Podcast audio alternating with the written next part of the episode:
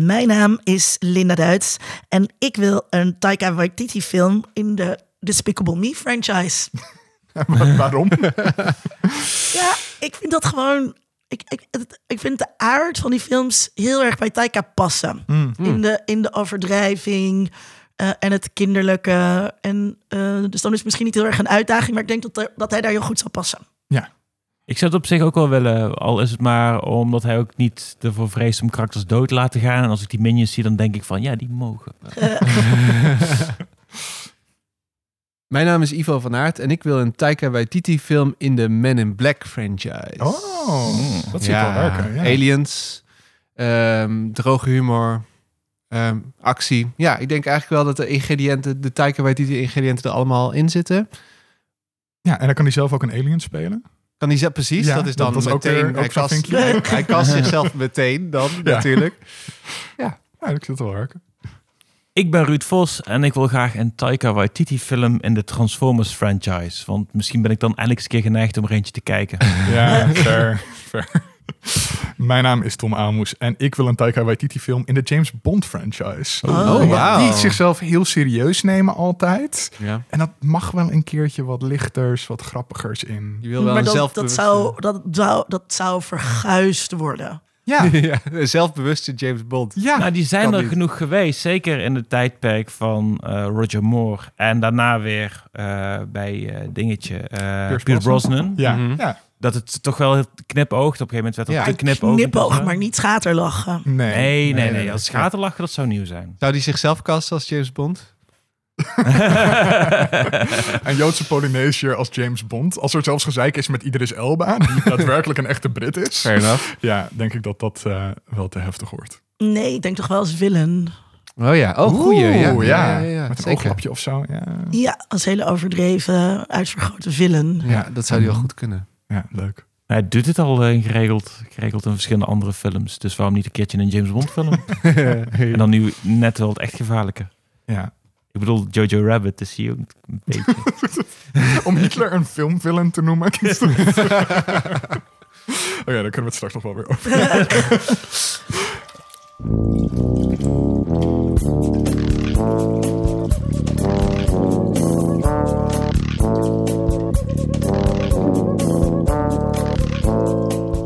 U hoorde dus al, Ivo van Aert en Ruud Vos zijn weer bij ons te gast. Ehm, Ivo is hier voor het eerst. Ja, Je bent klopt. regisseur van onder andere De Kuthoer en de web-tv-serie. Oh, heb jij de kuttoer gemaakt? Ja, ik heb de kuthoer Oh, gedaan. dat vond ik echt een hele toffe film. Oh, nou, dankjewel. Dat Ja. is wel leuk om te Ja. horen. En ik kijk echt eigenlijk bijna nooit eh, eh, Nederlandse, Nederlandse films. Nederlandse films. Ja. Ja. maar het was een thema dat mij erg aan het hart eh, lag als vervente Twitter-gebruiker. Mm, oh ja, jij herkende, je, herkende jij je erin? Zeker. Ja? Ja, ja, ja. ja. You just fucked with the wrong kuthoer. Ja, precies. Ja, heel goed.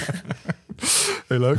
Ja. Oh, ik had ook echt zoiets van, ik ken jouw naam, maar waarvan? En ik ga het niet opzoeken, want ik wil wel verrast worden. En ik ben, belang dat, ben blij dat ik je een eh, goede recensie heb gegeven. Nee, Ah, kijk, Kijk, alles zit goed hier aan tafel.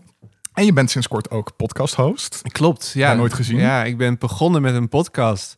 Mensen vonden het heel verwarrend dat ik als, eh, als, als bebrilde, bebaarde millennial nog geen podcast eh, deed. Ja, is ook een beetje laat, moet ik eerlijk zeggen. Ja, dus ik, ik, ik zag altijd verwarde blikken op feestjes. En Want ik dacht ik, nu, dat je er ook maar één hebt dan. eh, ja, ik heb er maar Oh. één. Ja, dat is Oh, dus sowieso ben ik beginnen level, level 1 podcasten. En, eh, ehm, eh, en de podcast heet Nooit Gezien. En ik maak die samen met Gijs Wilbrink en Anne Drijver. En eh, het idee is dat we elke week, elke aflevering, bespreken we een film die één van ons drie nog nooit heeft gezien.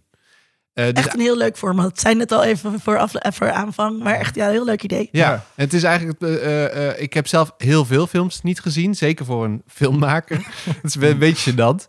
Dus ik dacht van, eh, het is ook wel een goede stok achter de deur om een podcast te maken over die grote filmklassiekers die we allemaal nog nooit hebben gezien. Of die, die je dan nog nooit hebt gezien. Zoals, eh, eh, we, we doen Titanic, eh, we doen Ghostbusters, had ik nog nooit gezien. Eh, eh, even denken, we doen, eh, wat doen we allemaal nog meer? Finding, Finding Nemo. Nemo hebben jullie net uit. Ja, The Sixth Sense hebben we. Ook echt zo'n plot twist film.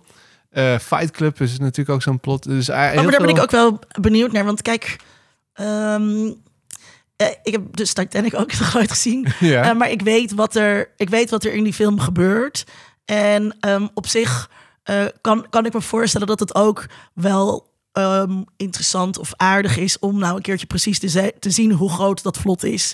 Waar dan geen plek is voor Leonardo Ja. DiCaprio. Ging het Terwijl- Dat fameuze vlot. Ja, Ja, zeker. terwijl, ja, ja, ja, ja. terwijl ehm, bij een film als The Sixth Sense, dat is natuurlijk echt een film die eh, heel erg hangt op, eh, op de Revelation. Ja, zeker. En ehm, ondertussen weet iedereen wat, wat die is. Want dat zit zo in populaire cultuur. I see that people. Dat daar kan je niet... Sorry, ik hoop niet dat jij de film nog uit hebt gezien.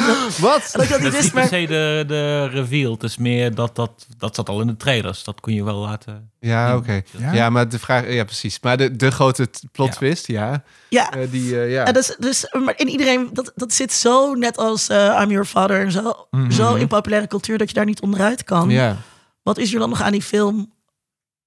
Nou, het is wel Gijs grappig. had eh, eh, deze nog nooit gezien, Eh, toch? ja, ja, en die wist dan wel, die wist eigenlijk niks behalve de plot twist. Dat is dan wel interessant. Oh. Dus Ja. hij wist eigenlijk niks over de film, Ja. eigenlijk behalve dat, eh, I see that people. Ja, dat, gewoon dat I See People eh, belangrijke zin is in de film. eh, om bepaalde redenen. Eh, en eh, ehm, ja, maar dat is dus grappig, omdat het zit dus wel heel veel... Titanic, je weet dat het schip gaat zinken. Dat weet je al van tevoren, Dat weet ja. je, dat zit in de geschiedenis. Eh, eh, je weet vaak al wel wat dingen. Dat eh, ook door memes en door, door, door wat je op het internet leest en wat vrienden erover zeggen. Maar eigenlijk weet je nog heel weinig. Dat, dat, daar, daar kom je dan achter. Ik heb bijvoorbeeld voor het eerst Gremlins gezien. Dat eh, wordt de kerstaflevering. En Nice. ik weet dan wel, als ik bij Gremlins zag ik wel voor me die schattige Furby-achtige beestjes. Maar het was voor mij echt een shock om te zien dat ze ook transformeren in Oh, dat je helemaal niet. Gremlins. Oh. Ja.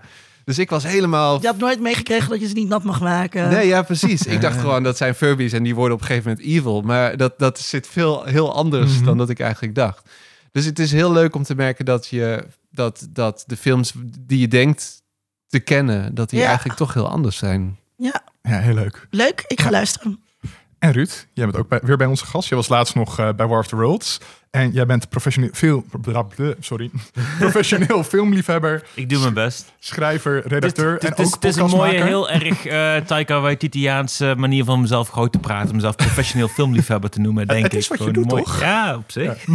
Ja, en je hebt ook een podcast, Duimpje Worstelen, waarin Ja. je altijd stevig van mening verschilt over een film. Ik doe mijn best om stevig van mening te verschillen. Ik ben meestal ook een eh, erg goede luisteraar. Waar, eh, Ik doe ook mijn best om wel een goed, goed gesprek met iemand te voeren... waarmee je op zijn minst diepte in gaat. Ja. Want er valt vaak heel veel te analyseren in films. En dat vind ik gewoon zelf heel erg leuk om te doen. Dus daarom Ja. is ook gewoon de reden dat ik het heb gedaan. Maar ja, het, het beginprincipe is altijd inderdaad een meningsverschil. Ja. Kies je En, soms ook als expres dan de mening die je niet hebt, zodat je in nee, gesprek nee kan ik gaan? zet hem wel dus ooit wat meer aan. Mhm. Ik heb eigenlijk maar één keer echt gehad dat ik een film heel lang niet had gezien. En dat ik echt zo compleet om was gedraaid. Dat ik gewoon Oh. echt van tevoren moest zeggen van... Oké, open kaart. Ik, ik, dit, dit, ik, ik kan gewoon hier niet meer negatief hierover zijn. Ik kan er enigszins wat kritische noten aanbrengen. Dat was Barbarella. Een film die ik de eerste keer dat ik die zag... waarschijnlijk misschien ook een beetje dronken was, moet ik eerlijk zeggen. Maar toen, toen, toen kwam ik er echt totaal niet in. En toen ik hem nu keek, vond ik het echt zo'n dikke bak plezier... dat ik Oh, oké. Ja, kijk. Compleet om was. Ja, oh, ja. Levert nog steeds een heel leuke podcast op. Want ik kan ook gewoon meteen, ja, eh, eh, I came clean, om het zo maar Ja. te zeggen. Ik heb meteen gewoon kunnen zeggen van wat, wat het verschil is en zo. En eh, Maar dan kan je natuurlijk ook wel zeggen van, ja, eerst dacht ik dus hier dit en dit over. En dan Ja. kun je daar ook nog een interessant gesprek over hebben. Ja. Over waarom je dan nu ineens om bent, toch? ja, maar ook gewoon dat hele idee van, volgens mij was ik heel erg dronken de eerste keer dat ik hem zag. Het is ook meer ook een invulling, een beetje geraden. Omdat ik eerlijk gezegd, het is zo lang geleden dat ik hem had gezien. Oh ja. En ik had echt heel lang zo in mijn hoofd van, ja, die, die is echt heel slecht. Echt, echt heel, heel slecht. Nee, nee, nee, gewoon nee. Nou, eh, dat vind ik een mooi bruggetje naar de terugblik. Wat heb je nog meer gezien de laatste tijd waarvan je denkt, ja, dat is ook hartstikke leuk? Of juist niet? Of juist niet. Nou, laat ik eens beginnen met gewoon iets wat ik wel echt heel erg leuk vond. En dat was eh, Guillermo del Toro's Pinocchio. Oh, ja. Eh, nog op groot scherm kunnen zien voordat hij daar af wordt gehaald. En eh, volgens mij staat hij inmiddels op Netflix. eh. Oh, hij had maar een hele korte release. ja, ja, twee weken of zo van tevoren is die eh, de bioscoop gekomen. En ik weet niet wat er nog bioscopen zijn die hem nog wel vertonen. Maar in ieder geval, Oh. de, de release was vrij klein. En, ja, ik heb hem in de ehm, bioscoop helemaal gemist. hm. Eh, Ah. Ik zag hem ineens op Netflix verschijnen, inderdaad. Ja, Ja. ja. Oh, ja. Ja, precies. En eh, daar was ik echt heel erg mee in mijn nopjes. Gewoon een, een, een heel basic idee. eh, ook iets wat, wat Guillermo del Toro wel vaker heeft gedaan... om ook fascisten naar zijn film te brengen. Werkt heel goed voor die film. Om het in fascistisch Italië te plaatsen. Oh, Oh, maar dat is interessant. Is dat Ja. nieuw? Ik weet het niet. Is dat... Dat is, dat is Oké, nieuw. dat Ja, is een is meer zo, eh, laten we zeggen, wat is het, 17e, 18e eeuw? Iets een beetje meer rond die, die tijd. Ja. Mensen met een beetje kragen rondlopen en zo. Oh ja, ja, In ieder ja. geval kinderen met kragen rondlopen, want daar heeft Pinocchio ook dat rare ding om zijn nek. Mhm. Ja. Ehm, maar eh, hierin, ja, dit was een, een hele mooie, eigenzinnige visie op Pinocchio. Met ook een paar dingen waarvan eh Guillermo del Toro eigenlijk gewoon kritiek heeft op dat verhaal. Want hij vindt eigenlijk hetzelfde verhaal als Frankenstein. Ah. Voor een groot deel. Oh, maar als je dat zo bekijkt, je- Ja. kan je er wel hele leuke dingen mee. Ja, ja, dat waren zijn twee obsessies als, als, als kind. Mhm. Frankenstein en Pinocchio. Oh ja. Heel erg interessant. Ja. Ehm, maar dat, die, die, die liefde en die, dat- dat versmelten van die twee verhalen, dat zie je er ook wel een beetje in terug, maar niet te veel. Dus het blijft Pinocchio. Maar Ja, gewoon alle verhaalelementen van Pinocchio zitten erin, maar alles heeft zijn eigen prachtige twist. Oké. Ik ben wel trouwens benieuwd, heb, je, heb jij dan ook recentelijk de Robert Zemeckis eh, versie daarvan gezien? Ik sterf nog liever. Je hebt er niet, je hebt er wel ik heb niet het gezien. niet gezien. Nee, nee, nee. Ik, ik weet wat het is en ik heb zo'n zo'n hekel aan al die, die live-action tussen aanhalingstekens verfilmingen van, Ja. van klassieke Disney. Ja. eh, animaties. Als er echt een beetje een twist aan wordt gegeven, hartstikke leuk. Wil Ja. ik wel zien of zo. Ik vond Maleficent ook echt een van de leukere. Ja. Ja. En ja, goed. Dus de, dat, over de dat rest hoeven we allemaal, het niet te hebben. ja, precies. maar The Lion King vind ik niet om aan te zien. Nee, terecht. Dus Nee. die Pinocchio denk ik ook van, laten we het vooral niet doen. Ik vind het wel grappig, want er zijn heel veel Pinocchio-films uitgekomen de laatste, wat, twee, drie jaar of Ja, zo. ja, ja. Ook nog de Italiaanse vier. nog. Ja. Ehm, ja, best wel wat eh, verschillende. Dus eh, dit, is, dit, is, dit is waarschijnlijk wel mijn favoriete van degene die, die de laatste jaren is uitgekomen. Oké. En nog een tweede ding wat ik heb gezien, Mhm. was een eh, tip van een van mijn luisteraars. Een documentaire, Milius, over John Milius. Mhm. Jullie hebben vast wel The Big Lebowski gezien. Mhm. Zeker. Eh, het, het personage van John Goodman. Hoe die eruit ziet. Die hele stijl is gejat van de regisseur John Milius. Ja, in ieder geval gebaseerd Oh. Oh. op. Lijkt er echt op. Echt zo- zo'n baardje. Zoals ook een beetje een man die in de jaren 70, 80 films maakte.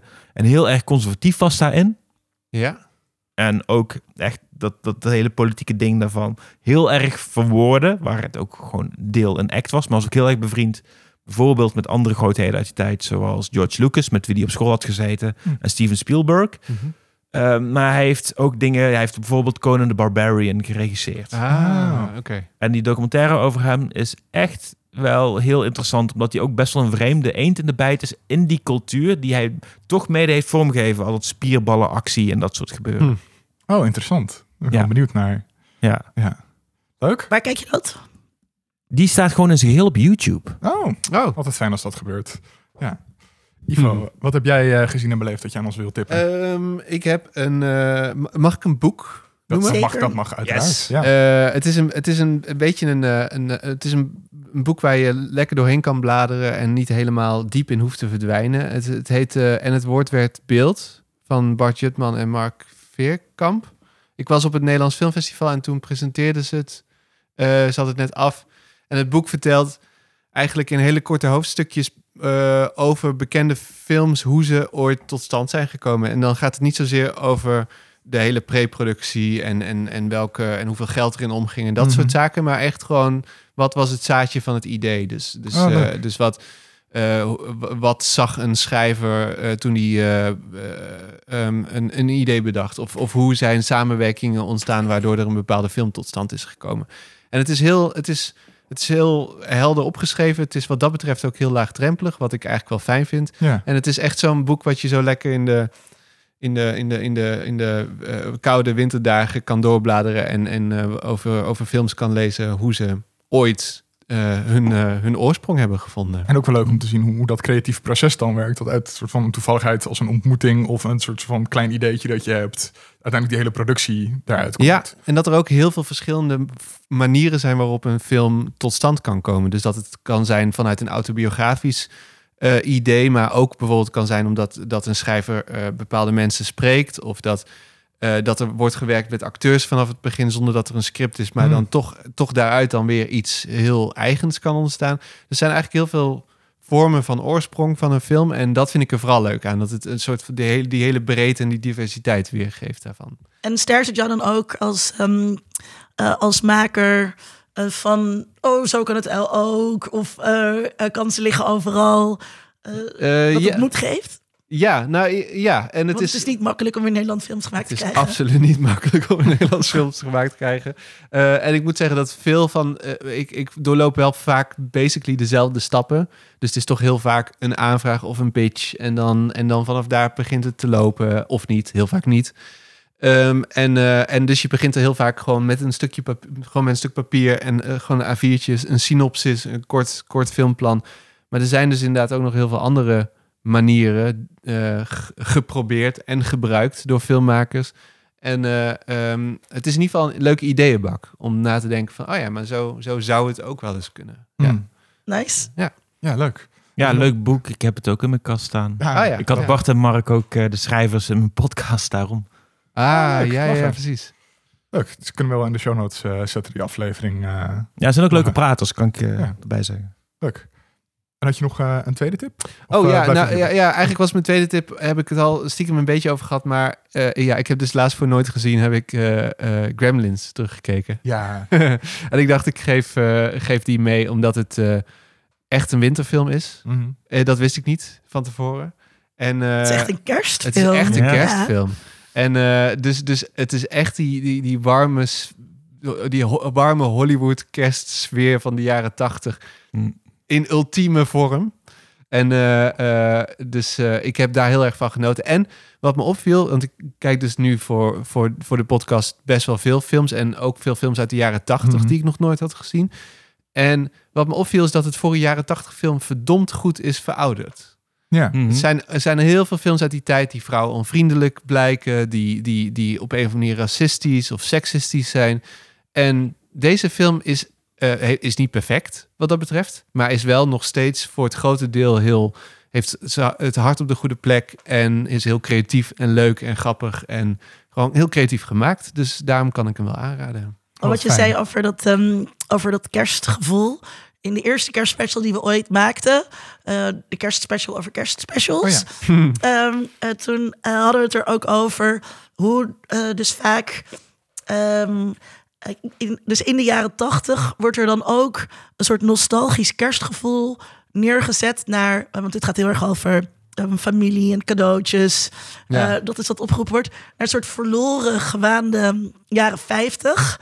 Eh, en, eh, en in onze tijd worden er dan dus weer films gemaakt naar een soort verloren gewaande jaren 80. Oh ja, ja Eh, en zo, zo creëren al die vormen van populaire cultuur steeds hun, hun mythische kerstverledens. Ja, en dat voelt dan heel erg lekker. En dat ik dan heel lekker. Ja. En over 30 jaar krijgen we de, de, de films die verlangen, terugverlangen naar de tijd van Trump. Ja. Oh, sorry. Ja, maar het, het is toch ook met Reagan? Ik bedoel, Reagan was een Ja. belachelijke man. Ja. En daar kijken mensen ook met nostalgie Ja, naar terug. ja, Het is wel interessant dat die er vaak juist weer buiten die media wordt gehouden. Dat is dan een... een eh, Ja, onderwerp. Maar in, in Fargo seizoen 3 werd hij wel, eh, was hij zelfs, eh, werd hij zelfs gespeeld door Bruce Campbell. Ja. Linda, wat heb jij eh, aan te raden? Ehm, ik heb ehm, gekeken naar ehm, The Crown, seizoen 5. Mhm.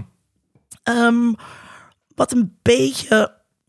eh, het is een, een beetje over de top heen, denk ik, ehm, eh, de Ja. serie. Dus je hoort er Hmm. weinig mensen eh, over. Het was natuurlijk aan het begin echt een hype. En dat komt, denk ik, omdat ze het nu gewoon gaan uitrekken. En dat is nooit een goed idee Ja. ehm, bij series. Sorry voor mijn stem trouwens, eh, luisteraar. Ik denk dat ik toch ergens een virus heb opge- opgelopen. Ehm, eh, ja, dus de, de tijdsperiodes waar het over gaat, die worden steeds korter. En ehm, ja, dus is dit een spoiler? Aan het einde is Diana nog steeds niet dood. Oh. En daar Oh. zit je dus eigenlijk gewoon de hele tijd op te Dat wachten. is een soort reverse spoiler eigenlijk. Ja, Ehm, nou ja, kijk, je weet natuurlijk wel in, de, in het hele verhaal dat eh. Charles ooit koning gaat worden. Ja. Je weet alleen niet in welk seizoen van de Crown. Ah, daar was ik nog. En het eindigt ook niet met de melding van stop nu de Queen in je DVD-speler. Eh, dus ehm, eh, ik vond de acteur die Charles eh, speelt veel te knap. Eh, En veel te eh, charmant. Het werkte voor mij allemaal niet. En vooral aan het einde, vanaf nou, een beetje eigenlijk halverwege. ehm, halverwege het einde van het ja, halverwege het einde van het seizoen zakt het echt in. Ehm, wel erg leuk ehm, is dat je, je ziet wat eh, dingen versneden met koloniaal Marokko. Omdat het ook over ehm, Mohammed Al-Fayed gaat. Eh, Natuurlijk later Dodi eh, Al-Fayed. Tom, kijk me aan. Ik weet hier niks van. Nee, ik ook niet. Oh, nou, kijk. nou, dan eh, ga ik dit niet spoilen voor jullie. Eh, wat, daar, eh, wat daar gebeurt. Eh, en ik heb ook een ehm, eh, boekentip. Ehm, en het boek heet ehm, Full Disclosure. door ehm, Cameron Garrett. Eh, en eh, ik probeer een beetje, zeg maar, buiten de eh, ja, standaard eh, witte hetero-mannen auteurs eh, te lezen. Eh, en ehm, Cameron Garrett is ehm, ja, heel erg geroemd als soort jong upcoming talent. Zo eh, de the most talented people under 21. Wat ik altijd hele intimiderende lijstjes vind. Ik ben al heel lang geen 21 meer. En had ik het toen al gemaakt moeten hebben. Ja. En uh, Full Disclosure gaat over ehm, een eh, jong zwart meisje eh, dat HIV heeft. En ehm, hoe, hoe het eigenlijk is om een middelbare scholier eh, te zijn met HIV. Ehm, nou, ook geen spoiler, denk ik. Dan is er dus heel veel stigma. Ja. Ehm, maar ik vond het heel verrassend en eigenlijk ook wel raar dat dit thema best wel weinig eh, in boeken zit. Hmm. Ehm, dus eh, zeer de moeite waard. Alleen al daarom. Ja. Hmm. Dus überhaupt in populaire cultuur gaat er eigenlijk alleen maar in eh, series of films die over gay zijn gaan, gaat het ook over HIV en AIDS. Ja, Oh ja. en Het is nooit, buiten die context wordt het niet echt vaak besproken, behalve dan in wat Dallas Buyers Club. Ja, maar Dallas Buyers Club, Super, super Dallas- dapper. ja, en Dallas Buyers Club gaat natuurlijk ook best wel over de gay scene en Ja. hoe mensen elkaar in de gay scene gingen helpen om aan medicatie te komen. Ehm, dus het is wel altijd heel. Ja, dat was natuurlijk ook toen It's a Sin uitkwam, ehm, die Channel 4 uh, of Ja. ITV-serie. Ehm, en dat was ook wel echt een enorm kritiekpunt eh, van mensen uit de, uit de HIV-community. Dat het is zo het wordt zo in het verleden geplaatst. Terwijl tegelijkertijd dat beeld van HIV is eigenlijk het enige beeld ook van HIV dat mensen hebben. Dus dat Ah, werkt ja. nu nog steeds door. Dus heel veel mensen zijn helemaal niet op de hoogte van ehm, eh, bijvoorbeeld PrEP. Is een pil die je kunt... Ga maar even, even een stukje voorlichting hier. Is een pil die je kunt slikken eh, waarmee je overdracht van HIV kunt voorkomen. Of ehm, het feit dat N is N. Dus als je niet detecteerbaar bent, als het virus niet meer detecteerbaar is in je bloed, wat zo is als jij ehm, je medicijnen netjes slikt, dan is het ook niet overdraagbaar. Oh. Ehm, dat wist jij ook niet, Nee, zie ik nu. En dat is echt een mega doorbraak in, eh, in, ehm, eh, in eh, de HIV-behandeling. Ehm, en dat maakt heel veel uit, want dat betekent dus ook ja, dat als jij in de buurt bent van een persoon met HIV en die heeft een wondje op zijn vinger, ja, dat is echt geen reden tot, eh, tot, eh, tot ontzetting van het huis. Nee, precies. Ehm, eh, Ja. Weet je wel? En het is sowieso al lang niet meer die hele erge dodelijke ziekte die mooie jongens kapot maakte. Maar het is gewoon een chronische ziekte die nog steeds vervelend is als je daar een diagnose van krijgt. Niet meer het eind van je leven. En ehm, de kritiek dus vanuit de HIV-gemeenschap op It's a Sin en eigenlijk ook wel andere dingen. Wat jij zo zegt is dat het dus zo eh, vast blijft zitten in die tijd. En dat betekent dus dat het heel moeilijk is om een nieuw beeld eh, van HIV eh, voor in de plaats te krijgen. Ja. En dat doet dit boek trouwens wel. Ja, veel vet. Zelf heb ik de laatste tijd wel veel gekeken, maar heel veel dingen die hier al besproken zijn. Zo heb ik bijvoorbeeld heel White Lotus seizoen 2 afgelopen week Maar ik wil gekeken. toch wel even, ehm, want daar hebben wij het eigenlijk nooit over, Tom. Want we hebben daar niet echt regels over van als het al besproken is, mag het dan nog? Mhm. Ehm, maar ehm, zullen we er een aflevering over maken over de White Lotus seizoen 2? Ik, ik heb En heel- wel het een en ander om... om ik, ik moet hier even doorheen gaan praten op een gegeven moment, heb ik het Ehm, idee. maar, en, maar en hoe vind je de serie? Ehm, ik ben dus heel erg lang gewacht met gaan kijken. Omdat ik seizoen 1 wel goed vond. Maar ook heel cringe. Dus soort van, het, Mm. het, het was vet, maar het deed bijna fysiek pijn om naar te kijken soms. Dat echt van, oh, Oh. nee, oeh. Van de, onge- de ongemakkelijkheid? Van de ongemakkelijkheid, Ah, ja, van het ongemak. Dus Ja. niet dat het niet goed is, maar dat ik de situaties en dingen... En de muziek helpt daar natuurlijk ook perfect bij. Dat Ja. alles is ongemak. Een soort van alsof je een net niet goed zittende trui aan hebt. en zo zit je dan de hele tijd op de bank. Dat past wel Eh, een beetje bij de stijl van eh, Mike White, de Ja. schrijver. Ja, eh, ja precies. Maar eh, het is wel... Ik vond dat lastig. En uiteindelijk had ik ook met dat eerste seizoen ook van... Oké, dit vond ik wel leuk. Maar dit was gewoon één seizoen. En daarmee was het afgesloten voor mij. Dus waarom moet er Ja. überhaupt een tweede seizoen zijn? Ja. Maar iedereen om mij heen op werk, ook omdat het bij Skip Intro besproken werd, was er de hele tijd heel lyrisch over. En had het over, Linda, jij had het over volgens mij over, ja, je verwacht niet dat het serie is dat je heel erg theorieën gaat vormen. Maar dit is het toch wel. En toen dacht ik hè, wat is er aan de hand dan in dat tweede seizoen? Is toch maar opgezet. En toen echt in wil alleen maar weten drie wat ik gelijk. dagen, drie dagen doorheen gekeken. Omdat ik niet kon stoppen met kijken en het zo goed vond. Ja. Ja, echt, ik vond het echt fantastisch. Dus je had zeker niet de serie raakte Mike White. Oh.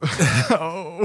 Wauw. vind ik wel goed gevonden. Oh, dat is vind ik heel... oh. Hij daalde heel langzaam bij mij Ik, in. moest, ik moest even erover nadenken tot het kwartje viel. Eh, Oh, viel, wauw. Maar ehm, ja, dit is wel echt een dad joke van, van de bovenste plank. Dit, is- dit is goed. Ja. Ja. Is Het het, doet me eh, ook weer pijn, maar het is ook weer goed. Dit doet mij pijn, ja, fysiek. Heb Ja. jij, eh, vind je het eh, tweede seizoen beter dan het eerste seizoen? Ja. Ja, ik heb dat dus ook. Ja? Ja. Oeh, ik niet. Nee? Nee? Oh. Nee. Nou, gaan we, hier, we gaan hier een aflevering Ja. over maken. ik moet hem nog kijken. Ja, ik, ik zal ook niks spoilen. Dus de laatste aflevering is net uit. eh, dus ik was ook echt vijf Ik zal pas kijken, dus hou je mond. Eh, want hij is langer Ja, ja, dan ik precies. had verwacht. Ja. Dus een uur en een kwartier in plaats van een uur dat de rest van het seizoen Ja, ik ben ook heel benieuwd. Ja. Ja, dus eh, nee, daar zal ik voor niks over zeggen. Maar Hmm. dat heb ik dus gekeken. Ehm, en ik ben begonnen aan de podcast De Kunst van het Verdwijnen. eh, van onze zuiderburen, is een Belgische podcast. Mhm. Over een straat in Antwerpen. In de Joodse buurt daar, waar een bank overvallen wordt. Ehm, en ik ben nu op het punt dat eh, ze weten dat er dan... Het enige wat ze zien op bewakingscamera's... is dat op een gegeven moment een orthodoxe Joodse man... met van die lange krullen en de hoed op en zo... met een rolkoffertje uit een steegje ergens komt lopen. En dat is soort van de enige beetje lead die ze aan het begin hebben. Oké. En vanaf daar gaat het balletje een beetje rollen. Maar dan denk je, oh, dit is een true crime podcast. Maar blijkbaar komen er nog allemaal andere verhalen samen... die er allemaal net aan iets bij te maken hebben. Maar en, en toch gaat dat allemaal bij elkaar komen. Hmm. Maar ik weet nog niet hoe. Oké. Ehm, maar wat vooral, het vet, ik vind het heel vet als podcast maken, omdat het is zo ontzettend goed geschreven en de sounddesign is zo goed. Het is echt eh, eh, eh, heel hoog niveau gemaakt. Dus het is echt, Arco, mijn hoofdredacteur, omschreef ook dat het soms desoriënterend is dat als je ook deze podcast op straat zou luisteren en in de podcast rijdt er een auto voorbij, dat je dan om zou kijken om te kijken of er een auto voorbij komt, ja, Ja. of nee. Uh, dus dat is heel vet uh, uh, dat ze dat voor elkaar hebben gekregen. En het is gewoon heel erg lekker op zijn Vlaams verteld. En met zo'n lekkere Vlaamse vertelstem. En dat, dat, daar kan ik wel mee, dat vind ik wel leuk. Uh, dus een hele grote tip. Ricky Baker, now you are 13 years old. You are a teenager and you're as good as gold. Ricky Baker, oh. Ricky Baker, happy birthday. Once rejected, now accepted by me and Hector. We're trifecta. Ja, Taika Waititi dus. Hij is waarschijnlijk echt een van de populairste filmmakers van dit moment. Sowieso in Hollywood een van de meest gewilde. En voordat we echt de diepte ingaan, hoe vinden jullie zijn werk in het algemeen? Zijn we fan? Zijn we niet fan? Gemixte gevoelens over hem, Ivo? Um, ik ben niet per se een heel groot fan van hem. Sowieso, allereerst denk ik, wil ik even de disclaimer erbij zeggen dat ik ben zelf ook filmmaker. Dus het voelt ook weer. En hij is zeg maar een multimiljonair en een, en een, en de meest gewilde en gevraagde filmmaker op de wereld. En ik ben Ivo. Dus ik denk dat. Uh, maar jij hebt de cultuur gemaakt. dus ik denk dat een dikke disclaimer is dat ik hem absoluut niet per se als collega beoordeel, maar, Mhm. meer, maar meer als een, als een kijker of een uh, uh, misschien wel een fan. Ja. Maar, maar, maar het is dus wel. Ik, uh, um, maar wat is dan, want nu, nu uh, wek je mijn interesse als uh, mediawetenschapper. Mhm. Um, uh, hoe, hoe kan je die kijkposities van elkaar scheiden? Uh, oh, dat is een goede vraag. Ik denk van wel. Um, ik vind, sowieso, ik, ik vind sowieso wel veiliger om over collega's aan de andere kant van de oceaan te praten. Omdat ja, die, het verder klein, weg ja, dat zij het horen. ja, ja. ja, en ja, als je nu iets ook- lelijk zegt over Taika Waititi, dan gooi je niet je eigen glazen Nee, in precies. Ja, werken. ja, kan Maar aan de andere kant zat hij eerst ook aan de overkant van een andere oceaan. En Ja. je benijdt wel een beetje zijn carrière en hoopt Ja. hetzelfde ooit te kunnen doen. Ja, ja, ja, hij heeft wel, het is natuurlijk wel de filmmaker die zo'n reis heeft gemaakt Ja. naar, de, naar een soort van het mekka van eh, de westerse cinema. Hm. Ehm, ja, nee, ja, maar goed, het is inderdaad, het is allemaal wat, op een wat veiligere afstand. En zo ervaar ik het ook met kijken. Dus, dus nee, nee, veel, eh, eh, films van of series van Nederlandse collega's kijken, dat is toch altijd iets meer werk voor mij. En het is ook, ik voel me iets verantwoordelijker in, in het opstellen van mijn mening. En, en als ik, als ik eh, eh, en dit is eigenlijk niet zo heel erg logisch per se, maar dat is wel hoe ik het ervaar. Dat als ik, als ik werk kijk van makers die uit andere landen komen, dat ik, dat, dat ik me toch iets meer een kijker voel en iets minder een. eh, Hm. En dat je dus collega. ook kritischer durft te zijn. Ja, of en soms ook botter in mijn mening. Ja. Eh, omdat het, eh, omdat they don't care. er is Nee. Taika Waititi ligt geen nacht wakker om wat ik vind. Ja, die, die zit niet naar zijn manager schreeuwen. Bel Ivo! Het kan natuurlijk zijn dat Alexander, Alexander Skarsgård deze aflevering luistert en eh, het doorvertelt. ja, daar kan ik niet voor kunnen, instaan. Ja, ja, ja. nou ja, dan mag, je, dan mag je bellen. Dan leg ik het nog wel wat verder uit. Ja. Eh, nee, ik ben dus niet enorm groot fan van hem. En eh, hij kwam ook best wel laat op mijn radar voor mijn gevoel. Ik had het idee dat iedereen op, al op de Taika Waititi-trein zat... eh, toen ik hem voorbij zag rauzen. Maar ehm, ehm, ja, nu zit ik hier toch hier en eh, gaan we het erover hebben. ja. En wanneer Dus- ben je wel op die trein gesprongen? Ehm, ik denk dat, eh, ja, nou ja, ik denk dat het grote cliché-antwoord, maar toch wel waar in mijn geval, dat het moment dat ik Jojo Rabbit zag. Ah ja. Toen, eh, ik, en ik ging daar echt redelijk eh, kennisloos in. Ik ben gewoon daarheen gegaan. Volgens mij heb ik niet eens een trailer gekeken. Ik ben gewoon meegegaan met iemand. En toen zag ik die film en ik vond hem fantastisch. En Ja. toen dacht ik, hé, hey, wie is dat? Eh, en toen bleek hij er ook allemaal dingen voor Marvel op dat moment aan het doen te zijn. En ik ben echt totaal geen Marvel-fan of ja, dat kijker. verklaart dan ook inderdaad waarom die dan tot dan toe nog een beetje langs je heen was gegaan. Precies. En, eh, eh, en, en zo, maar zo is het dus begonnen. Ja. ja. En voor jou, Ruud? Hoe het begon of dat ik fan ben? Allebei. Allebei. Ik ben begonnen met eh, What We Do in the Shadows, de, de Mhm. film uit 2014. Ah, ja. Dat was de film waar toen hype op ontstond op Nederlandse filmwebsites, maar die je niet kon kijken in Nederland. Mhm. Die heeft alleen Ah. wat festivals gedraaid toen volgens mij. Maar niet, niet, niet, heeft gewoon geen release gehad hier. Dus die heb ik ook niet op een legale manier kunnen kijken toen. Maar ik was toen ook niet meteen om. Maar vlak daarna snel genoeg wel. Want hij, ja, ik ben nu wel echt gewoon simpelweg fan. Hmm. Ook als iemand die kritisch naar films moet kijken en daar dingen mee doet en zo. Eh, nee, ik ben redelijk onbevoorbe- bevooroordeeld fan van hem. Simpelweg omdat ik een zwak heb voor comedy. En hij heeft een gevoel voor humor dat mij raakt. Hmm. Wat, wat die, waarmee hij mij heeft. Hij komt vaak een beetje over als iemand, ja, omdat hij ook veel van die, bijvoorbeeld van die popcultuurreferenties maakt en zo. Hij komt een beetje over als net zo'n geek als ik, maar dan een veel extravertere variant van mezelf. Ja, ja, ja. En eh, een good hang. Ja, ja, ja, en dat is ja. wel hetgene wat hij uitstraalt met ook de manier waarop hij die films regisseert, nu ze vorm geeft. En dat is ook zeker iets wat ik kan aanhaken daardoor. Ja, dat maakt hem heel toegankelijk dan voor jou. Voor mij zeker, ja. ja, ja. Voor, voor jou, Linda? Nou, ik had dus het idee dat er inderdaad een, een, eh Taika Waititi-trein aan het rijden eh, was. En nu, toen ik deze films allemaal ging kijken, toen dacht ik, is dat, is dat eigenlijk wel zo? en, ehm, eh, en daar gaan we het zo denk ik uitgebreid over Mhm. hebben. Maar is hij ook, is hij wel een auteursregisseur ook? Oh. Ehm, daar, daar, daar zat ik me een beetje. eh, en ik dacht dus dat eh, zijn eerdere werk, wat ik voorheen niet gezien had, ehm, dat dat allemaal dus heel erg opbouwend in die traditie zou zijn. Mhm. En dat vond ik, dat vond ik niet helemaal. Ehm, dus ik, ja, ik vond vooral die eerste films echt best wel moeizaam om door te komen. En dan heb je die Marvel-films die weer heel anders zijn. Hmm. Hmm. Ehm, dus eh, ik, eh, ik had hem hoger zitten eh, voordat, we we hier hier, aan aan begonnen? dan nu ik dat werk heb gekeken. Oh, wat grappig. Ja, jij? Ehm, ja, voor, voor mij, ik ben hem volgens mij, heb ik hem voor The Wilder People voor het eerst gezien.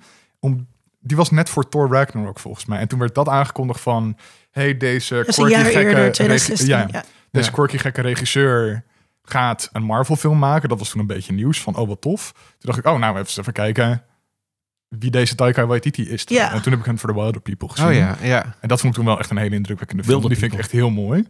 Wilder. Wilder People. Oh ja, Wilder People. ja, ja. want Wildebeest. Ja, ja, ja. Komt van het Nederlands. eh. Ja, ja, ja. ja, Dan ja, Wilde ja. Beest. Oh ja, ja, Ja. precies. Maar je hebt eigenlijk de indie way in gedaan eigenlijk. Dus, nee, dus, eh, maar dus eigenlijk reversed, omdat ik soort van via Marvel hoorde ik van hem. Oh zo, maar ja, ja. voordat Thor uit was, heb ik toen Hunt for the Wilder People gekeken. Ah, ja, ja, en toen ja. Thor Ragnarok. Ja, Ehm, en toen was ik wel fan, want ik vond Thor Ragnarok zeker binnen het Marvel-universum toen echt een soort briesfrisse lucht daardoorheen. Want het was ondertussen best wel een beetje samey geworden. En ook die eerste twee Thor-films, vooral die tweede, zijn gewoon niet echt goed. Eh, dus Die, die Love and Thunder bedoel Of nee, Love and ook- Thunder is de ja. vierde. Ja. En daarvoor Ja. waren er nog twee andere, dus Dark World en gewoon Thor. Ja. En vooral Dark World was zo saai. Ah, Ja, echt eh, tergend. Thor, Thor probeerde ze een beetje een soort van Shakespeare-narratief op Thor te, te Ja. praten. Ja. Met Kenneth Branagh eh, aan het roer en zo. En deel 2 was boom, bam, pff, eh, en niet veel meer dan dat. Goede beschrijving van de film. Ja, maar het, het- ja, het was gewoon niet, niet heel goed. En omdat Waititi natuurlijk zo'n zelfbewuste stijl heeft... en ook op dat, in dat, dat, dat Marvel-universum inbrengt... eh, vond ik dat, dat vond ik heel lekker werken. En, en Ja. nu? Eh, nu? Ehm, het grappige is dus dat... eh, ik was ook heel erg fan van Jojo Rabbit. eh, en eh, ik... What We Do in the Shadows. What We Do in the Shadows, ook hartstikke leuk. Hebben we ook een aflevering Ja. apart over gemaakt. Ja, en toen heb ik dus eh, Thor Love and Thunder. En toen zat ik ineens van, hmm, hmm, oké, dit is niet goed. Maar oké, het is een Marvel film, dus misschien had hij dit keer wat minder creatieve vrijheid of zo. Of weet ik veel wat het is. En toen nu alles achter elkaar een beetje gekeken. En dan wordt het op Taika op een gegeven moment werd een trucje voor me. Of zo. Of zijn, zijn, nou niet een trucje is niet het goede woord, maar hele tijd hetzelfde soort humor, hetzelfde soort zelfbewustzijn, hetzelfde eh, Ja. manier van met onderwerpen omgaan. En dat, en dat heb je altijd als risico als je te veel van een regisseur achter elkaar gaat kijken, dat, dat je dan op een gegeven moment tegen gaat staan. Maar het is wel, het is, ik denk wel dat Taika, eh, dat je Taika zou kunnen definiëren als een, als een soort anti eh, regisseur of iemand die, die veel, veel van wat hij doet in zijn films is werkt op een manier tegen de conventies. Ja, Eh, dat deed hij, dat volgens mij doet hij dat ook al, of deed hij dat ook in zijn eigen werk. ja. Eh, maar dat is ook zeker wel wat mensen lekker vinden of vonden, denk ik, Mhm. aan wat hij inbrengt in het Marvel Universe. Namelijk, eh, ehm, in Thor Ragnarok is er een moment dat, dat Thor hangt aan een ketting en dan wordt hij toegesproken tot een, eh, d- door een grote villain. En, die, en dan is het dan, maar omdat hij rondjes draait, moet die villain eh, na elke paar seconden even wachten met praten. En, en dat is een soort van, dat, dat is, en, en hij heeft die film overigens niet zelf geschreven, dus, Mm. dus de vraag is hoeveel is dat dan Taika? Maar je Ja. denkt, je Dat denkt zat ik me de hele tijd wel af te vragen. Ja. ja, je, maar ik, het, het is wel. Hij heeft Of- wel aan meegeschreven volgens mij. Hij heeft volgens mij wel een script credit uiteindelijk. Ah, oké. Uiteindelijk. Oké. Ja, maar het is niet Ja. oorspronkelijk door hem geschreven. Hij heeft daarna dat waarschijnlijk zijn eigen treatment Ja, van en, ja, precies. Want ik, Vooral een ik hoorde ook moodboard van en die, dat heel erg. Ja, ik hoorde ook van die film dat veel elementen in scènes toch uiteindelijk waren geïmproviseerd weer. En, dat eh, ook, ja. ehm, dus, dus dat is toch ook weer een soort anti-houding. Van oké, hier is de superheldenfilm en nu ga ik dit ermee doen. Ja. Ja, want Ja. Ik had dus toen ik. ehm, eh, ik keek dus nooit Marvel. Dus daar ben ik eh, kort geleden eh, ben ik er ingestapt of zo. Of ingehaakt. Eh, maar een van de weinige films die ik keek uit die, uit die, uit, hoe heet dat? Dat eerste tijdperk. Phase one. Oké. Ehm, was Thor Ragnarok. Omdat mensen ook zeiden, dit is een hele andere Marvel film. Dit is heel leuk. Inderdaad, heel veel humor. Dus toen ik hem toen die eerste keer keek, dacht ik, oh ja, oh, dit vind ik eigenlijk wel leuk. Ja. Maar nu, eh, de huidige Marvel films, die hebben wel weer, die zijn niet meer zo zwaar. Nee. Die eh, contrasteren dus niet meer zo sterk. En toen ik hem dus nu keek, vond ik het eigenlijk een beetje saai. Ja. Oh. Dus omdat dat Marvel eigenlijk een beetje zijn conventies heeft overgenomen, of zijn anti-conventies Ja, dan? Sommige dingen Eh, daarvan sowieso wel. Eh, was, ehm, kwam Thor Ragnarok voor Deadpool uit? Nee, Nee. Want dat is wel ook. Deadpool is natuurlijk ook een heel. Ja, is ook heel zo'n anti. zelfbewust anti-verhaal.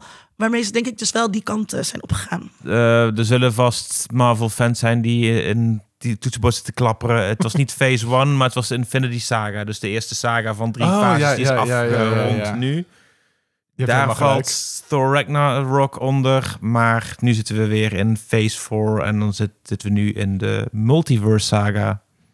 Fijn dat we dat Dus, hebben, dus om even dat soort ja. details ook eventjes maar af te vinken. Want je weet, je weet hoe, mensen, hoe belangrijk mensen die dingen allemaal vinden. Ja. Ehm, ik denk, om even terug te komen op wat jij er straks zei over al dan niet auteur. Dat was eh, Linda, zei dat. Sorry, Linda. ja. Oh ja. Ik zou zeggen, Taika Waititi is geen auteur.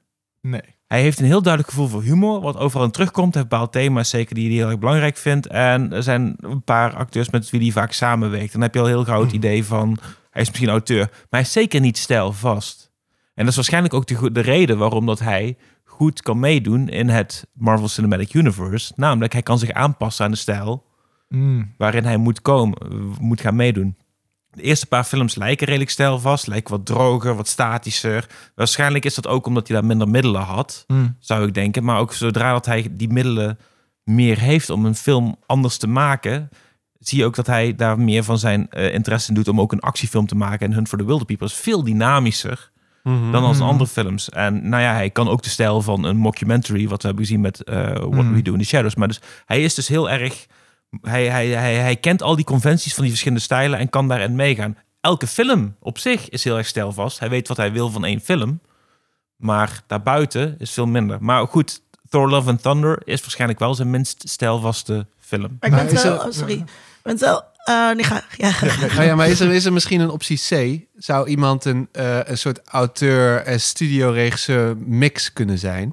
Want wat je, wat je, wat je beschrijft is eh, inderdaad de studioregisseur van de regisseurs van de jaren 80 en 90. Dat waren types die echt konden verdwijnen. Als je kijkt naar die Steven Spielberg Presents films, die Mhm. zijn dan heel vaak niet door Steven Spielberg geregisseerd, Nee. maar door, door een relatief onbekende regisseur die dan echt 100% die stijl overneemt en, en eigenlijk eh, en daar hebben we ook daar hebben we het ook nooit over over Ja, die zo, mensen. maar bijvoorbeeld Toby Hooper, die Poltergeist maakt, waarvan wordt gezegd van, ja, dat lijkt wel of dat Steven Spielberg hem zelf heeft geregisseerd. Ja. Maar daar zijn de verhalen wisselend Ja. over. Ja, nou precies. En, en, ehm, eh, maar daarvoor is Taika dan weer her- te herkenbaar. Eh, ik denk dat, dat, Mm. want er is een reden waarom hij wordt ingevlogen voor iets. Men Hij wil is wel een van- gezicht. Ja, en, en, en, en precies. Naast dat hij een media presence is, is hij ook zeker wel. Brengt hij iets mee in een project waar, waar studiobazen dus blijkbaar wel om staan te springen. Dus ik zou bijna zeggen dat hij misschien wel. Misschien wel samen met een aantal andere regisseurs, die ik niet zo even uit de hoge hoed kan trekken. Maar ik heb het gevoel dat er meerdere zijn. die op een manier eh, een soort optie C vormen daarin. Een Ja. soort mengvorm. Ik ben, het, ik ben het met jullie eens ehm, eh, dat eh, er, er, er is een reden waarom hij door die studio's eh, gevraagd wordt. En misschien is het wel dat hij een soort van ehm, persoonlijkheidsregisseur is. Ook omdat Mhm. hij in eh, volgens mij al zijn films zit. Ja, Ja, veel wel. Ja. Ja. Ja, en eh, denken. Eagle versus Shark zit je alleen maar in een home video Ja. waarin hij niks zegt en voor de rest staat hij op wat foto's. En dat, dat is de- degene waar hij volgens mij zo'n beetje het minste in zit. Ja. En eh eh, Hunt for the Wilder People is hij heel kort als pastoor. Ja, prachtig. Een hele grappige rol ook. Hm. Ehm, dus hij zet zichzelf ook heel erg neer als, eh, als persoonlijkheid. Of het maakt zichtbaar in de media. En dan kan je dus ook op die manier naam, naam maken. eh, zonder dat dat inderdaad per se je stijl hoeft te zijn. ja, en dat heeft ook wel, denk ik, te maken met hoe hij zich eh, buiten de films om ook opstelt. Hij is ook een mediafiguur geworden zelf. Ja. Dus, en dat heeft hij ook wel eh, eh, opgebouwd. Want naast zijn eerste korte film al, volgens mij in 2004 was dat, eh two, car, wat, two Cars One Night? Of, heet Ja, volgens mij wel. Ja, maar Ja. En, en daar heeft hij toen volgens mij al een Oscar voor gewonnen. Voor kort, Nee, hij was genomineerd. Oh, genomineerd. Oh, en toen, ja, maar de- hij was genomineerd, zat in de zaal. En op het moment dat de camera's langs de genomineerden gingen, deed hij alsof hij aan het slapen was door Ja. de ceremonie heen. dus al gelijk al vanaf het eerste moment zet hij zichzelf als een soort personage neer buiten zijn films om. Ja. Ja, En dat slapen is trouwens een soort running gag die, die heel lang door is blijven gaan. Oh, eigenlijk serieus? tot op de dag van vandaag. Eh, er zijn nog steeds eh, er zijn er foto's van dat hij eh, overal eh, slaapt op de set. Oh, ja. Eh, wat ik overigens heel relateerbaar vind, want ik kan ook overal in slaap vallen. En ik vind het heel, op een manier voelt het heel bevrijdend om te zien dat, dat, dat Ja. zo'n zo'n eh, hotshot regisseur dan eh, naar buiten komt met ik ben ook al, eh, ook, eh, ik kan ook overal in slaap vallen. En, En, dat is jij mag ook tussen de scènes even een dutje doen. Ja, ja, precies. Ja. je moet er meteen van gapen. Ja, maar dat, is, dat vind ik dat, dat, is, dat is eigenlijk ook wel een soort van hoe ik hem heb leren kennen, is in die interviews en in die media eh, Ja. eh, optredens. Eh, als iemand die ook heel erg uitstraalt dat je het allemaal maar niet zo serieus hoeft te nemen. Dat, dat het is oké als je in slaap valt. Het is oké als je het even niet weet. Als je, als je eh, off-script gaat. Als je ehm, domme dingen doet. Dat is heel erg wat hij uitstraalt. Het is oké als je Hitler als imaginair vriendje hebt. Ja. Precies dat. Ja. nou ja, in die omstandigheden is het niet zo heel raar. Maar dat is een tweede. ja, Kunnen we ja, het over hebben dadelijk? Ehm, ja, Ruud, jij zei net al van een van zijn meest verbindende elementen door al zijn films heen is zijn gevoel van humor. Mhm. Hoe werkt Taita's humor? Wat is daar... Ik heb het idee, hij voert heel vaak hele tragische verhalen en figuren op. Ja, en maar- daar vindt hij ja. humor in. Iets wat hij heel vaak heeft, zijn van die figuren die eigenlijk losers zijn, maar zich beter voordoen dan ze zijn, maar altijd keihard heel snel door de mand vallen. Hm, Dat zat ja. al met Jermaine Clement in Eagle vs. Shark. Mhm. En dat zie je heel veel terug. Zelfs Thor wordt zo'n figuur in zijn film. Iemand die grootspraak heeft. Hij heeft ook zo'n moment van goed. Dat ze, zeker wanneer dat hij eh, heel erg al doorziet wanneer, eh, wat, eh, waar Loki mee bezig is. En daar, eh, daar wel omheen kan dansen en zo. Maar op andere momenten is hij zichzelf groot aan het praten. En blijkt hij eigenlijk maar gewoon een heel klein mannetje te zijn. Een groot mannenlichaam. En dat soort dingen zijn heel charmant. Maar het ding is ook dat eh, behalve dat wordt ook heel snel eh, weer aangewerkt om die personen wel weer lief te hebben. Hij heeft een heel warm hart voor die figuren. Mm. Ook al zijn het eigenlijk losers die, die, die, die zich ook heel erg onredelijk gedragen. Op een gegeven moment snap je waarom dat ze dat zijn. Omdat ze iets tragisch hebben meegemaakt. Omdat ze uit een bepaald milieu komen of zo. En dat is iets wat je heel erg kunt omarmen daarin. Dat is, dat is misschien die tragiek. eh. Ja. Ik Maar vind is dat, dus, ja. dat vind ik dus helemaal niet leuk. Nee? Dat? Ja, dat, dat idee van de man-child, dat vind ik gewoon, dat Oh. vind ik echt een hele irritante, irritante trope. eh, die ook trouwens heel erg in de, White Lotus eh, zit. Dat is waarom ja, is Ethan wel. dood moet. Eh, ik heb de laatste aflevering nog niet gezien. eh, dus ik zeg dit zonder spoiler. Misschien is het zo, weet ik niet. Maar ehm, eh, en dat, dat, dat vind ik dus juist vervelend. Eh, ik, ik, ik vind dat, daar hebben we last van in onze maatschappij. Eh, en dat zit overal in die films. Maar ze worden wel altijd doorgeprikt bijna in de Taika Waititi films. Ja, maar ze wordt wel altijd ge- vergeven.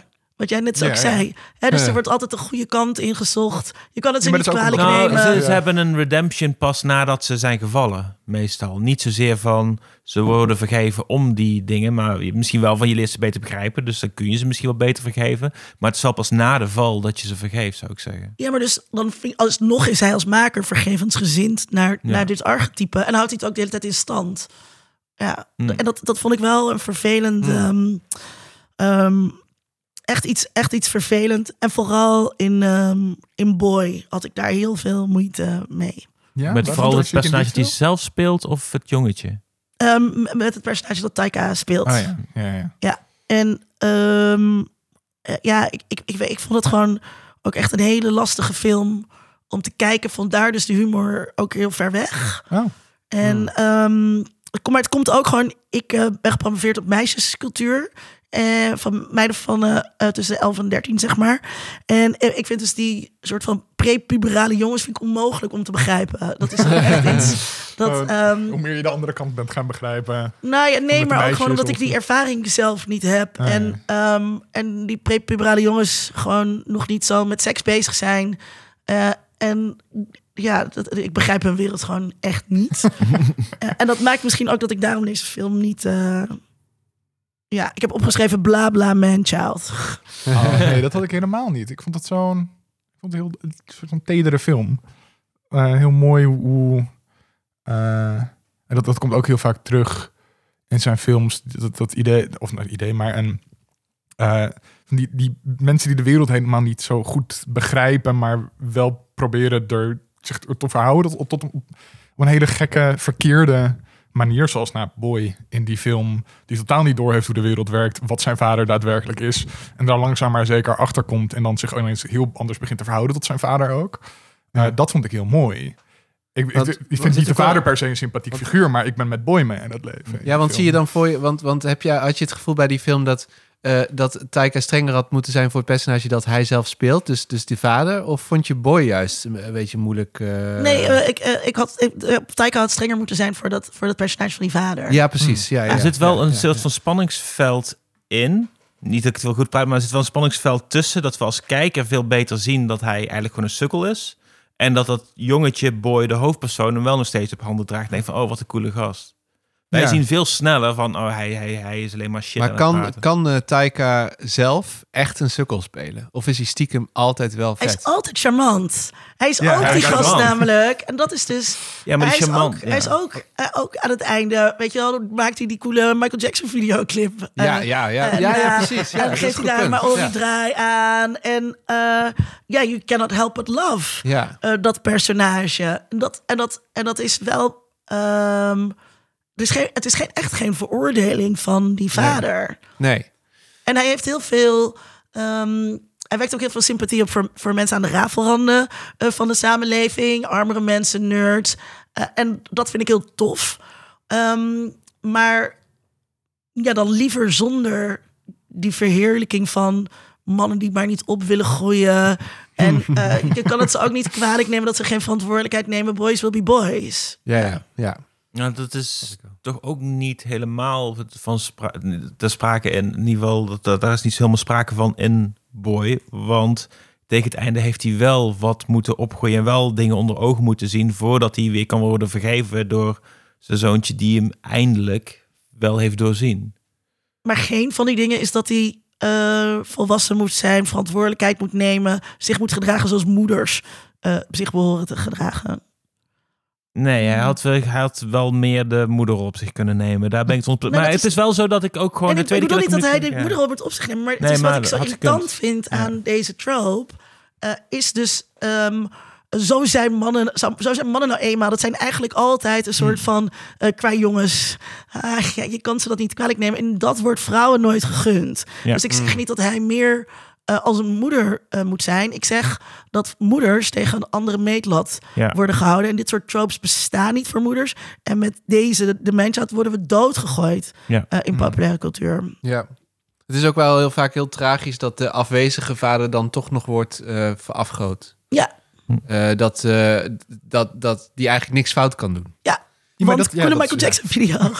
Ja. Ja, dat is natuurlijk precies wat, wat er gebeurt bij, bij Boy. ja, Die coole ja, jas. Coole- juist ja. alleen maar zit van, oh, mijn, mijn vader is er niet. En in, in die afwezigheid wordt de ruimte voor de fantasie alleen maar groter. Ja, natuurlijk. ja, ja, precies. Ja. Ja. hij wordt alleen maar vetter. Maar ik snap inderdaad wel het punt dat...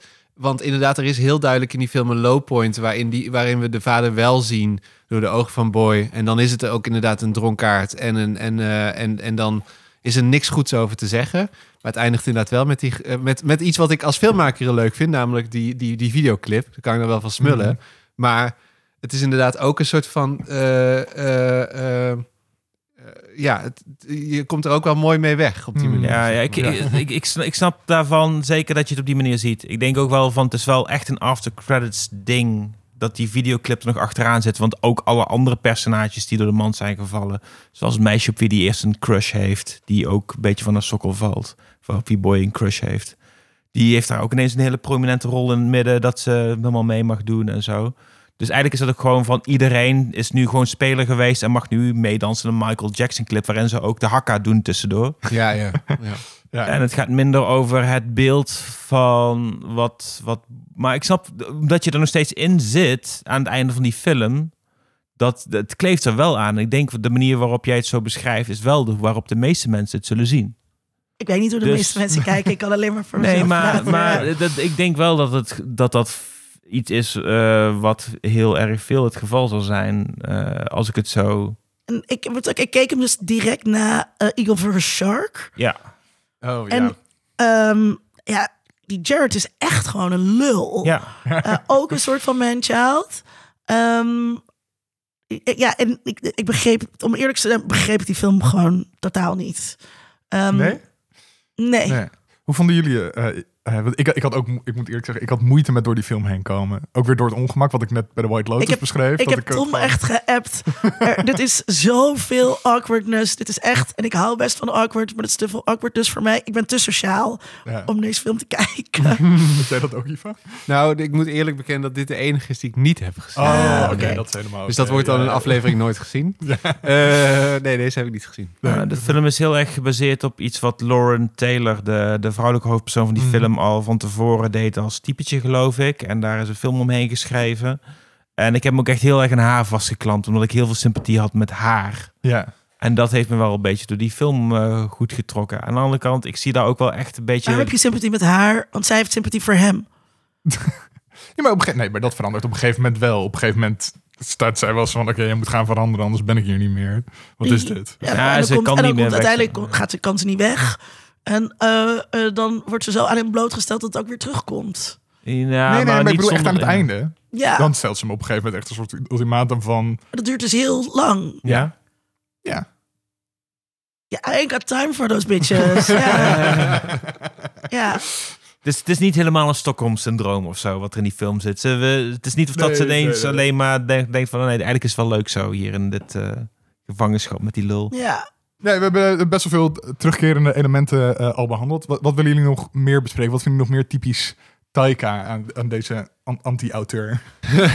Ik vind dat zijn werk best wel vaak een soort knutselgehalte heeft. En dat bedoel ik op een positieve manier.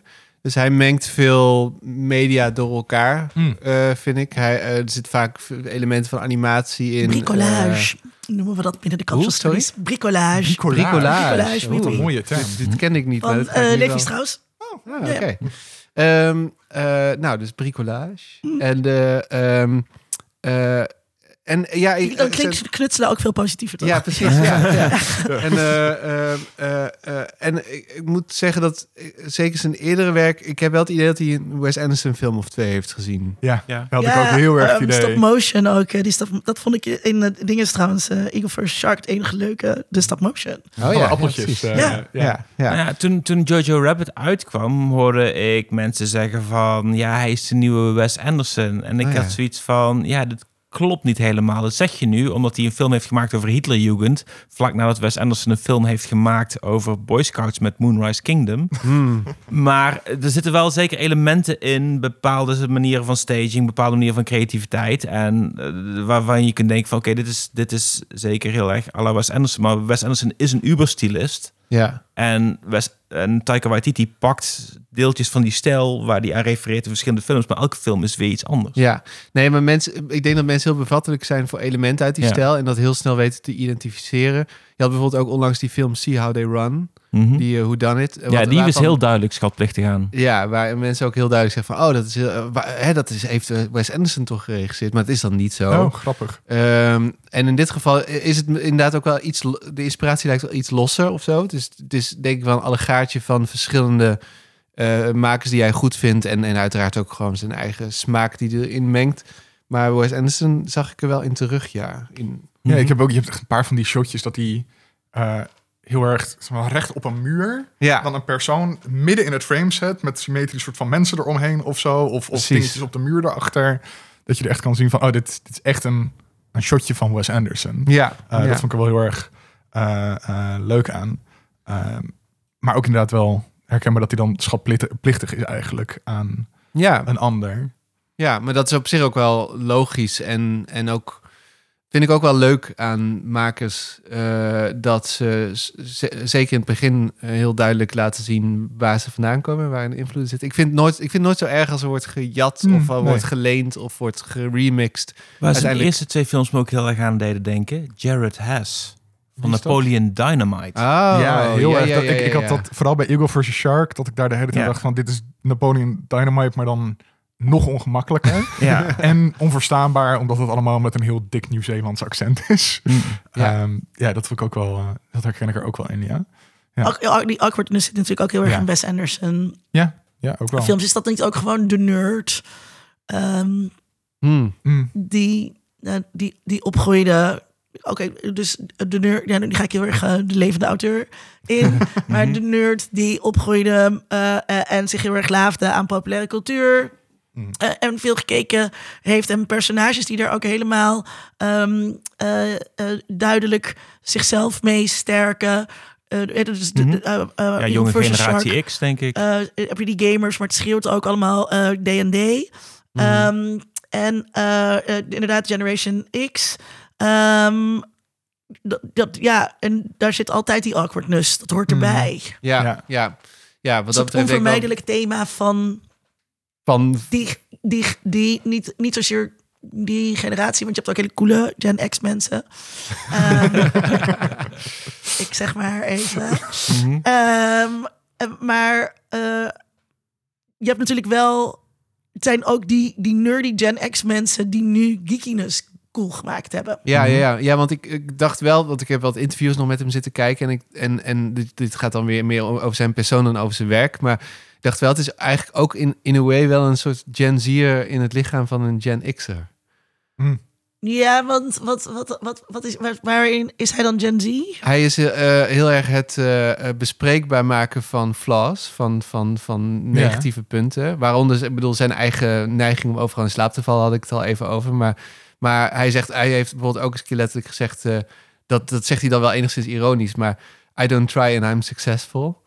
Eh, dus, dus een soort van, eh, het, het, dus, dus eigenlijk het anti-geluid op je moet hard werken en dan kom je er wel. Mhm. Eh, ik heb soms het idee dat hij juist, dat hij misschien ook wel nu een soort van populariteit heeft gevonden, omdat hij juist het tegenovergestelde uitstraalt en dat identificeer ik, weet niet of dat terecht is, met, met wat er ook in Gen Z veel leeft. Namelijk, je, je, je, het is oké om niet perfect te zijn. Het is Ja. oké om je slecht te voelen of om, om niet de beste te zijn in iets. En, In maar veel opzichten had ik dat idee ook wel heel erg toen ik vandaag Hunt of the Wilder People heb bekeek.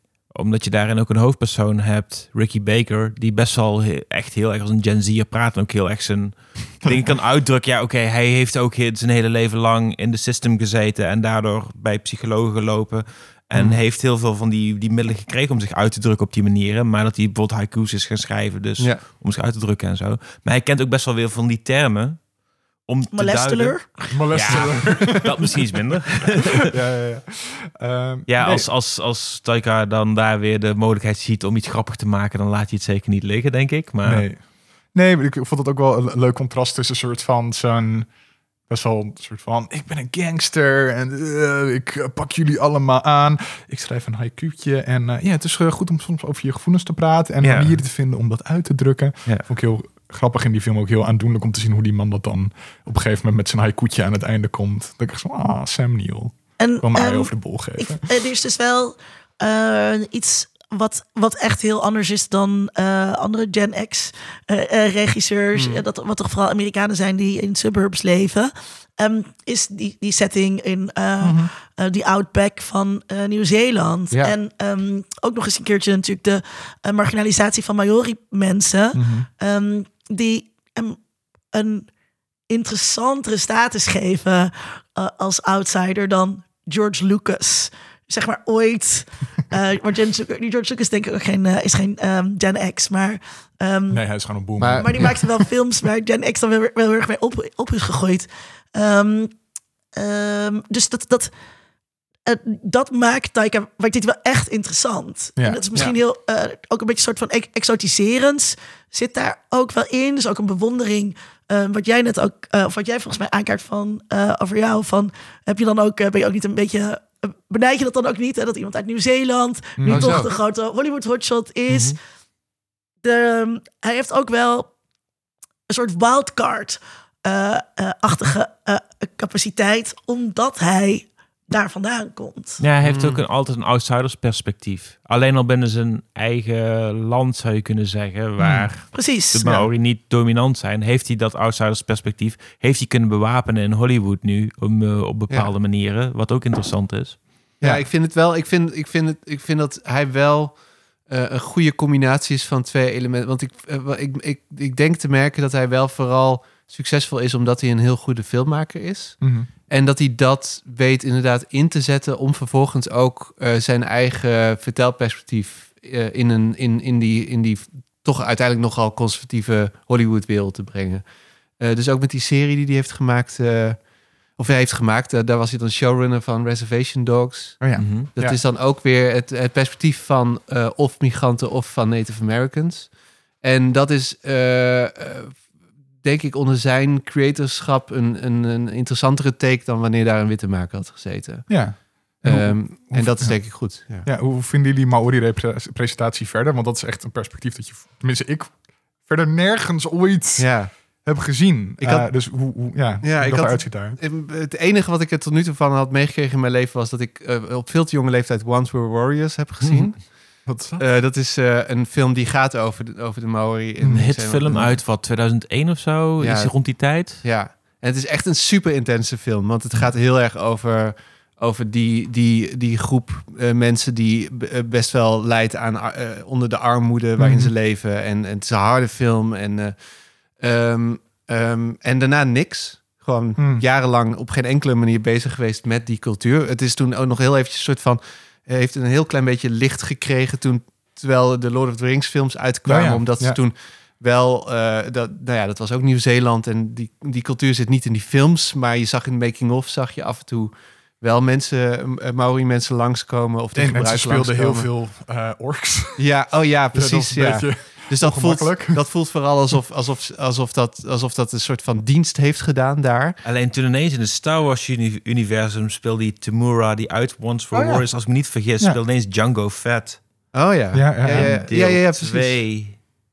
Dus kreeg je ineens toch een Maori in Hollywood. Ja. Ja. Maar je had ook Cliff Curtis, ook iemand van Maori afkomst, die heel lang heel veel verschillende nationaliteiten speelde, waaronder heel veel Arabieren. Oh, en- God, als ja. Oh, dat is een soort van-. Onbeduidende etniciteit. Ja, Ja. Oh, als ja. niet wit Ja. weggezet Dat is, worden. dat is wat, wat, Of wat, ongeduide Ja. etniciteit. dat, Ja. is, dat was hun representatie jarenlang in. Mhm. Maar dat is geen representatie. Nee, Nee, precies dat. Nee, maar dat dat, dat, gebrek. dat is exact wat ik ermee wil zeggen. Ja. Ja, maar Ja. het is wel het, eh, want om, om zeg maar, ik haalde zo even klakkeloos Lord of the Rings erbij, maar het is, ik was even dus in, in de geschiedenis van eh Taika aan het duiken en toen zag ik dus dat hij eigenlijk als filmmaker is begonnen toen zeg maar die eerste drie Oh. grote Lord of the Rings films al uit waren. Dus, dus, die, dus die twee dingen komen na elkaar en het voelt bijna als een soort Nieuw-Zeeland Het redemption. geld dat Ja. Nieuw-Zeeland verdiend heeft ehm, met Lord of the Rings... Ja. Ja. heeft het misschien mogelijk gemaakt dat Taika's films gefinancierd Wie konden worden. weet, ja, ja, Ja. En ik vind dat toch. Ik, Dat zou zeg maar, ik het- heel het- leuk ik, ik lees het, ik lees het graag een beetje als een soort redemption arc of zo. Dat er Ja. ook andere makers aan bod eh, mogen komen. Ja. Eh, maar dat weet ik natuurlijk niet zeker. Nou, en het is wel, Hollywood heeft het daarmee volgens mij ontdekt. En het is lang geleden dat ik hier echt ingedoken ben hoor. Maar volgens mij had ook die Nieuw-Zeelandse productie wel iets mee te maken dat het gewoon goedkoper was voor Hollywood om zo'n project in Nieuw-Zeeland te gaan produceren. Omdat daar arbeidswetgeving ook anders was en zo. En dat staat ze niet in dat Hollywood systeem dat iedereen heel best wel goed betaald moest worden. Mhm. Wist je dat de filmindustrie van ehm, Georgia, Die er staat, ja. eh, de, de staat Georgia, groter is dan die van Californië? Ja, Oh, omdat ja, daar ja, nu eh, alle inmiddels. Marvel films worden daar opgenomen. Dan zie je altijd bij de endcredits zie je dat, dat peertje, of nee, eh Mm. persikje van de State of Georgia Ja. zie je daar voorbij komen. Die zijn dus dat voorbij geschreven. geschreven. Eh, en eh, er zijn ook heel veel films worden in Canada gefilmd, ook omdat het gunstige voorwaarden Ja. zijn. Vancouver never plays Vancouver. Ja, mij precies. ook. Ja. Ja, ja, ja. Ja. Ehm, ik, ik weet, ik heb dus eigenlijk ook nooit Maori, Maori eh, gerepresenteerd gezien.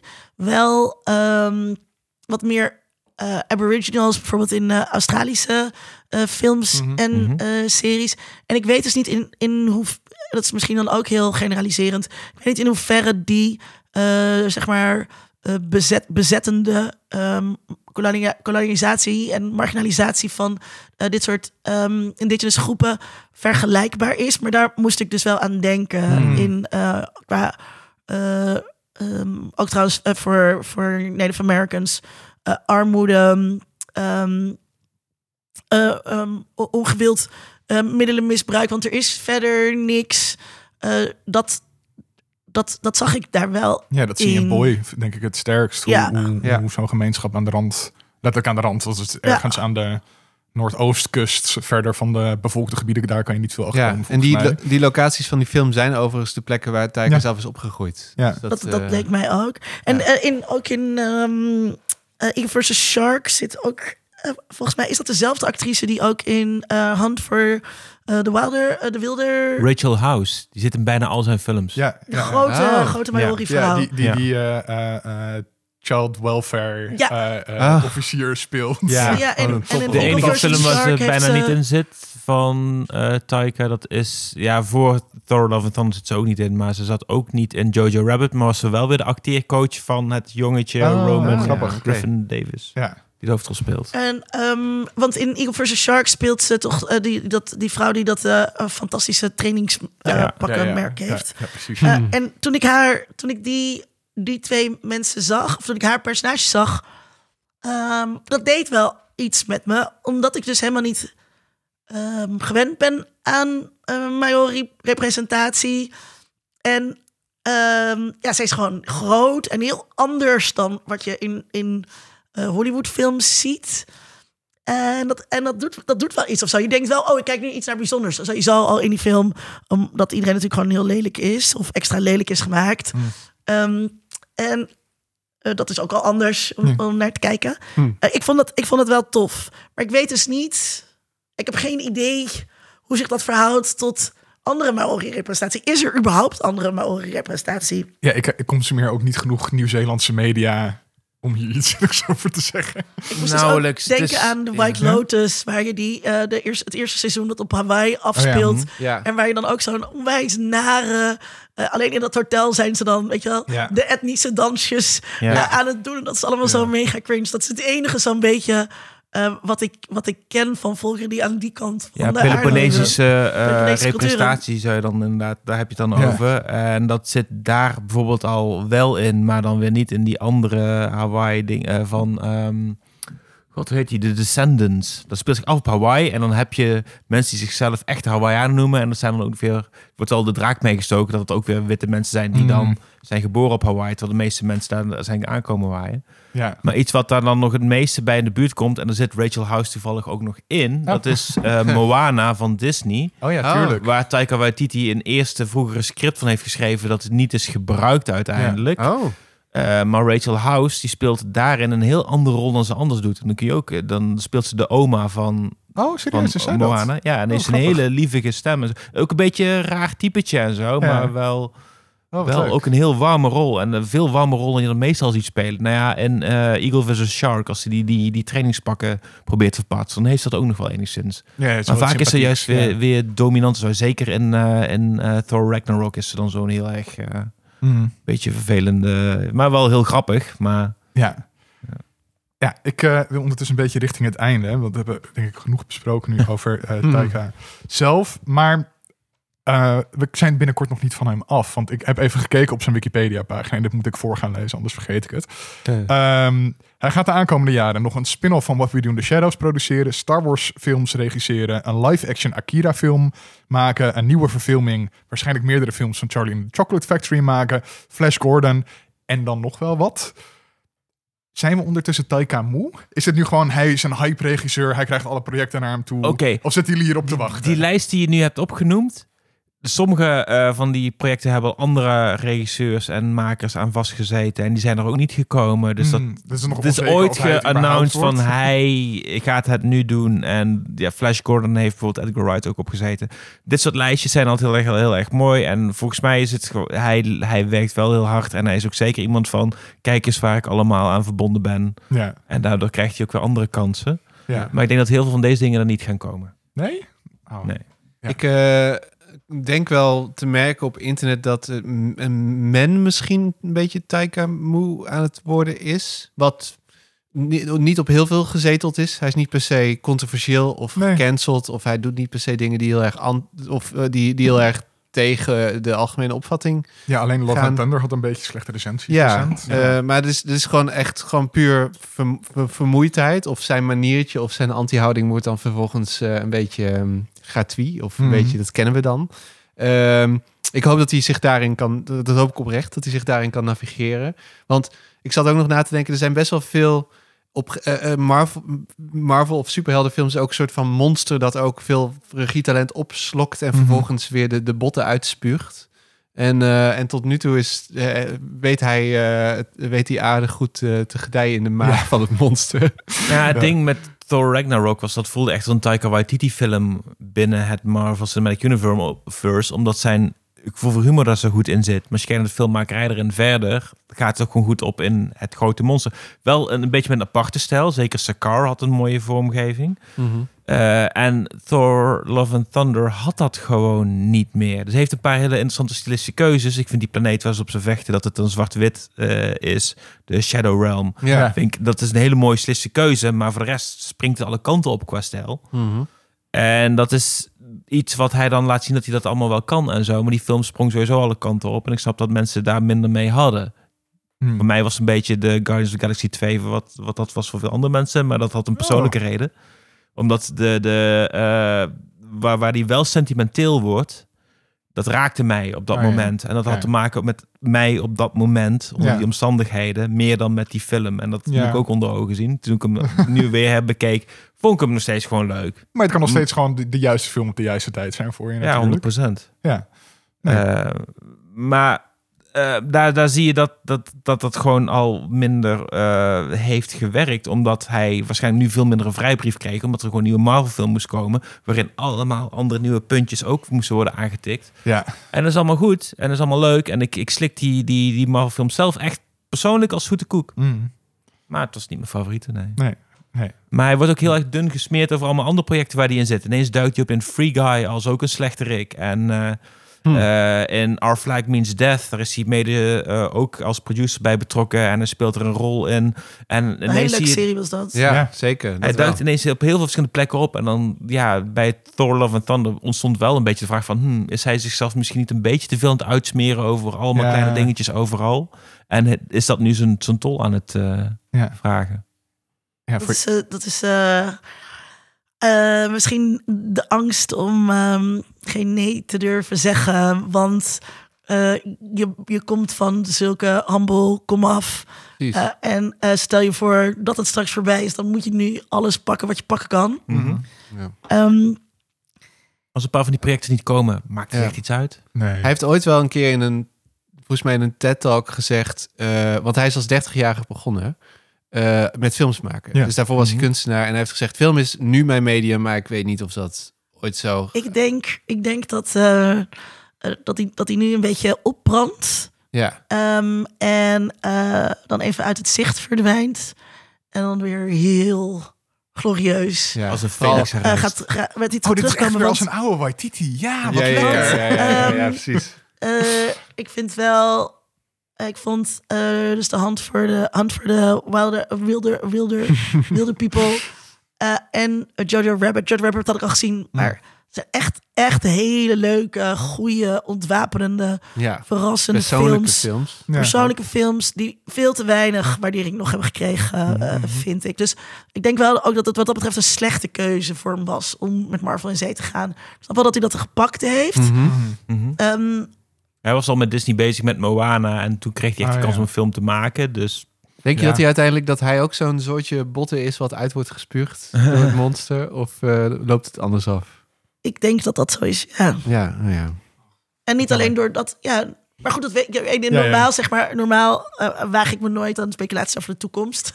maar, maar dit is iets, en dit zou ik ook wel een mooi glorieverhaal of zo voor hem vinden. ik denk de lakmoesproef daarvoor is volgend jaar. Wanneer Next Goals Wins uitkomt. Oh ja, Die film die heeft volgende. geregisseerd over dat, dat voetbalelftal. Oh ja, ja. Daar heb ik heel dat nog nooit in. had gewonnen en een keer een wedstrijd wil winnen. Wat was het in een WK? In ieder geval van, van één klein eilandje en zo met eh, oh, eh, Michael Fassbender in een van de hoofdrollen. Die moet een Nederlander gaan spelen. Ja, Dat wordt wat. Oh, dat is altijd ongemakkelijk. Ja. ja, maar ik ben wel oprecht benieuwd naar ik ook. wat Ik het dus- is. En ik denk dat dat het is van, is dat dat wanneer hij weer wel meer iets kan doen wat, wat li- losser lijkt te staan van de grote Hollywood monster, is hij dan weer meer zichzelf of niet? Ja, maar dat is zo'n... zo'n eh, je hebt Guillermo del Toro heeft zo'n ding van... Ik doe er één voor mij Ja. Ja. en één voor hen. ja.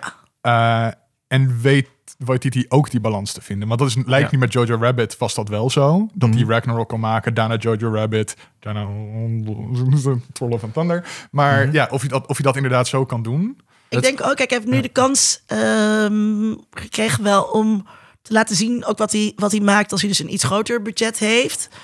Eh, wat, heel, wat heel tof is. Ehm, ook wat hij maakt als je het allergrootste budget zeg maar hebt als je bij Marvel zit. Eh, en dus, ja, dat is heel naar. En hij hoort dit toch niet, dus dat kan ik gewoon zeggen. maar dus dan is ook wel interessant om te zien wat hij dus weer gaat maken als hij dus misschien wel een soort van uitgekotst is en terug moet komen, maar wel eh, deze groei heeft doorgemaakt al als regisseur. Hè, dus Ja. als hij dan weer met een kleiner budget aan de, aan de slag moet, wat Ja. voor pareltjes kan hij dan maken? Een Ja. soort van, ehm, eh, hoe zeg je dat? eh, een nood eh, maakt creativiteit groot. Ja. Verhaal. Iets wat ik wel heel graag van hem wil zien. Ehm, voor het eerst sinds Eagle vs. Shark is een verhaal met een vrouwelijke hoofdrol. Mm. Oh ja. Ja. Want Ja. dat heeft hij echt al lang niet meer gedaan. Nee, wat dat betreft We blijft hij bij- met zijn personages wel altijd echt heel dicht bij zichzelf. En waarom wil je dat zien? Omdat ik benieuwd ben wat hij ermee kan. Of dat hij het kan. Dat zou een risico voor hem zijn. Ik wil hem weer een keer risico willen zien nemen zoals dat, bijvoorbeeld. Dat snap ik wel. Ik weet niet. Ik eh, vind niet altijd per se dat. eh, want net zoals dat ik dus eh Boy niet begrijp. Want eh, ik vind het moeilijk om de jongens te begrijpen. Ja, ik hoef net ook niet per se dan alsnog ook onderzoek te gaan, gaan doen naar jongens. Het is misschien veel beter als mannelijke onderzoekers dat oppakken. Dus ehm, ja, ik zou niet weten waarom hij dan nu. eh, een, een vrouw moet gaan schrijven. Wat hij misschien helemaal niet kan, want hij is helemaal geen vrouw. Laat dat lekker. Nou, Laat- laat- Jojo Nou ja, nee maar laat lekker die werkgelegenheid aan vrouwelijke eh, eh, regisseurs en schrijfsters. Ja, misschien, maar Elsa en Jojo Rabbit vind ik wel een interessant personage dat hij heeft geschreven. Het is gebaseerd op iets uit een boek wat hij heeft kunnen adapteren natuurlijk, maar Hmm. heeft kunnen bewerken. Maar dat vind ik wel een, een, een interessant personage binnen zijn universum. En ik ben benieuwd of dat hij Maar dat Elsa is een kan. soort droombeeld van dat jongetje die ook Hitler als emotionair vriendje heeft, heeft gedroomd. We, kijken, we zien haar heel erg vanuit. Ehm zij is helemaal geen echt iemand. Zij is alleen maar, bestaat alleen maar, zoals hij in beeld gebracht, alleen maar zoals hij haar ziet. En dan wint zij hem uiteindelijk wel. Maar ja, ze is er to- totaal. eh, ook zij is een soort waanbeeld van hem. Eigenlijk is het, ik denk wel dat, ik ben het wel met je eens dat eigenlijk is, We hebben net de Virgin Suicides besproken. Ja, we hebben net Ja. een aflevering over Sofia Coppola Ja. gemaakt. Die in de Virgin Suicides natuurlijk heel erg met dit, met Ja. precies Ja, ja, nee, dit ik, vind, speelt. ik, vind het, Ja. ik vind het een heel Maar- goed punt. ja. Ja. Nou wat, wat eh, eh, eh, eigenlijk is veel van zijn films blijft hij eigenlijk best wel veel van zijn eigen films, dus niet per se wat hij in opdracht maakt, blijft hij dicht bij zichzelf, blijft hij best wel autobiografisch en voert hij inderdaad eh, m- mannelijke protagonisten op of of eh, hoe heet het man hoe noem je het man babies man child Ja. child Ehm, en daarmee is het misschien Nou, die hebben, Is- vaak, die hebben vaak belangrijke rollen, maar zijn niet de hoofdpersonen. Dus Ja. Nee, precies. Oké, maar er zit ook wel iets van zichzelf in, denk ik, in, in a way. Eh, Ja. Maar in ieder geval is de. eh, is, is misschien de, de- Zijn kracht is op een bepaalde manier wel zijn, zijn, eerlijk, zijn autobiografische eerlijkheid in zijn werk. Eh, en dat, dat, dat. Ik, ik snap op zich de neiging om te zeggen: oké, kan, je daar, kan, je, kan je ook iets. Kan je ook verder buiten jezelf kijken? Maar is dat nodig in dit geval? Of gaat hij gewoon. Nou, kan hij de- bijvoorbeeld ook dat personage van zichzelf laten zien door de ogen van iemand anders? Hmm. Oh ja. Ja, ja, ja, ja. Nou goed, we gaan, we gaan het zien eh, de komende tijd. Eh, ik wat ben denk jij, heel benieuwd. Tom? Wat jij denkt. Over, over, Uh, over Kill, uh, Waikiki. Ik ben er nu wel bang voor, maar dat is ook omdat ik zelf een heel weekend aan Taika Waititi films achter de rug heb. En ik zelf nu Ook wel voorlopig genoeg. Taika Waititi films ja, gezien ja, heb. Ehm, maar ja, ik ga volgend jaar wel natuurlijk naar de nieuwe film van hem. Ik ben wel heel benieuwd, want ik vind hem wel een hele talentvolle filmmaker. Maar je hoeft niet op alles ja te zeggen. Misschien heeft hij nu dat idee. Voor iemand die zichzelf heel lui noemt, zit hij Mhm. niet stil. Ehm, ja, maar ja, het, het, het hoort er ook bij als je ineens Hollywood's darling bent natuurlijk. Maar voor mij mag het minder. Over tien jaar uh, maken we een tweede. Ja, dan blikken we er weer ja, en dan blikken we terug. Ja. In a world. In a world. World. World. World. In a world. Oké. Of we naar Taika Waititi uitkijken, dat is een beetje gemengd. Maar waar kijken we de, de komende tijd sowieso naar uit, Ivo? Ik heb heel veel zin in de Banshees of in the Sharon. Ik weet niet of die al genoemd is. Nee, ik, dit, dit- dit zegt mij nog niks. De Hij stond op het punt om genoemd te worden, maar oh, ah, ik heb hem gejat. heb, je, heb je een tweede? ik heb er genoeg. Ah, Oké. Eh, nou ja, de Banshees of in the Sharon dus. Eh, ik hoop dat ik het goed zeg trouwens. Eh, Ja, ik ben niet Iers. Eh, de nieuwe film van Martin McDonough. eh, die je zou kunnen kennen van eh, eh, In Bruges en eh, eh, Oh, ja. Three Billboards. Ja, ja, ja. Eh, die eerste die ik noemde, die vond ik toen fantastisch. Eh, en die is slecht verouderd. En Three Billboards vond ik eerlijk gezegd altijd een draak van een film. Oh. Eh, dus, eh, Dat is maar toch ik- het Three Billboards in... ehm, Outside Ebbing, Missouri. Ja, precies die, ja, volgens ja. wel, ja, ja. En, eh, maar dit is ook weer, zeg maar, het is een terugkeer eh, na de acteurs eh, Colin Farrell en Brandon Gleeson, Mhm. die ook in, in Bruges een heel fijn duo speelden. En eh, ik hoor van links en rechts dat het eh, fantastisch is, deze nieuwe film. Oh. Eh, eh, het is sowieso Colin Farrell op zijn Iers, wat de beste versie van Colin Farrell is. En ik hou sowieso heel erg van Brandon Gleeson als acteur. Dus ik, ik, ik zit de eerste avond dat hij in de bioscoop is, zit ik daar. En dan zit ik enorm te genieten, denk ik. ja, heel vet. Leuk, ik ben benieuwd. Had je nog een tweede? Of, nee. Oké. Ruud, die van jou is net weggegrepen, maar heb je nog een ander? Is allemaal oké. Ik, heb, eh, ik, heb, ik heb nog wel meer dingen. Eh, ik voel me een beetje een advocaat van, in ieder geval iemand die te veel eh, Netflix aan het helpen is om weer een, een, een film te noemen die op Netflix, door Netflix is geproduceerd, maar eerst even in de bioscoop verschijnt. Oh. Maar ik ga het toch doen. White Noise, naar Oh, het boek ja. van Don DeLillo, Adam Driver en Greta Gerwig in de hoofdrollen, geregisseerd door Noah Baumbach. Hij heeft, ik heb vernomen, 200 miljoen gekregen van Netflix om deze film te maken, Oh. omdat het een verhaal is waarin effecten nodig zijn, maar het blijft een heel erg raar eigenzinnig boek. Dus het heeft en spektakel 200 en heel miljoen? raar. Ja, Wauw. Dat is echt... Ja, dat is bij Ja, Netflix-films overigens wel een beetje een vertekend beeld. Omdat eh, hoe het normaal werkt bij films... is dat eh, acteurs en regisseurs vaak eh, een, pe- eh, een percentage van de winst krijgen. Oh ja, en dat Maar hoeft niet bij streaming. Dat is niet zo bij streaming. Dus ze worden vaak aan de voorkant afbetaald met grotere bedragen. Waar, waardoor Ah, dus een 200 miljoen film op Netflix... Een budget is niet hetzelfde als een budget.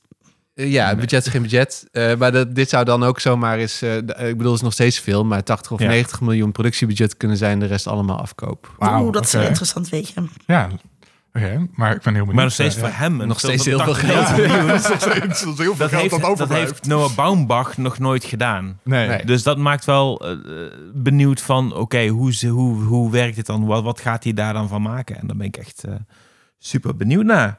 Ja, vet. En een andere waar ik heel erg benieuwd naar ben is Flux Gourmet. Van Wat? Peter Strickland. Oké. Die heeft eh, hiervoor ehm, echt een paar heel erg films gemaakt. Barbarian Sound System, onder andere. Ehm, een soort van een ode aan heel erg Italiaanse horrorfilms uit de jaren zeventig. Ehm, ja, eh, eh, de, de Flux Gourmet, is- het is met Asa Butterfield en Gwendolyn Christie in de hoofdrol. En het, eh, het speelt zich af in de eetwereld, waar ik zelf helemaal niks mee heb. maar de menu vond ik ook leuk, dus ik ja. kan me er best in verplaatsen als het nodig is. En het gaat over Sonic Catering. Dat is iets wat erin wordt ge- geïntroduceerd door een, een jonge, hippe eh kookgenie. En eh, ik kook bedoel met K-O-O-K. eh, Mocht je je afvragen. Hm. En het, het wordt beschreven als de zwarte comedy van Peter Strickland. Ik ben super benieuwd. Klinkt wel heel tof inderdaad. Ja. Ja. Zijn vorige film Fabric vond ik ook heel erg grappig. Zat Gwendolyn Christie ook al in. Hm. Bekend vooral van Game of Thrones. Mhm, Brian of Third. Mhm. Nee, leuk. Vet. Ik ben heel benieuwd naar allebei. eh goede tips. Linda, wat heb jij eh, waar je naar uitkijkt? Eh, kerst komt eraan en ik heb een enorme hekel aan kerst. Maar ik hou heel erg van kerst. Ik hou heel erg van kerstliedjes. Ehm, ja, Feliz Navidad. Echt, zet het op en je maakt me blij. Ik luister het hele jaar door naar Last Christmas. En ik hou ook heel erg van kerstfilms. En hoe slechter, hoe beter. Eh, prinsessenverwisselingen en overdadige kerstversiering. Ik kijk het dus allemaal. Eh, ik hou sowieso heel erg van dit soort slechte eh romcoms. De echt en dan het liefst zo trashy mogelijk. NRC had een heel leuk stuk over, ehm, eh, over, over het aanbod kerstfilms. En ik, ik was eigenlijk verbaasd ook over hoeveel nieuwe titels eruit komen. Want in principe komen er nooit zoveel romcoms meer uit. Dat is echt een beetje een soort de dood, ehm, dood genre. Maar Behalve eh, in Nederland. Ja. Behalve in Nederland, ja, maar eh, er komt echt van alles. Dus ik zal een linkje plaatsen naar dat, ehm, naar dat artikel. Eh, en ehm, wat, wat NRC, wat ik uit NRC leerde, dat wist ik dus niet. Maar Lindsay Lohan ehm, komt terug in Falling for Christmas.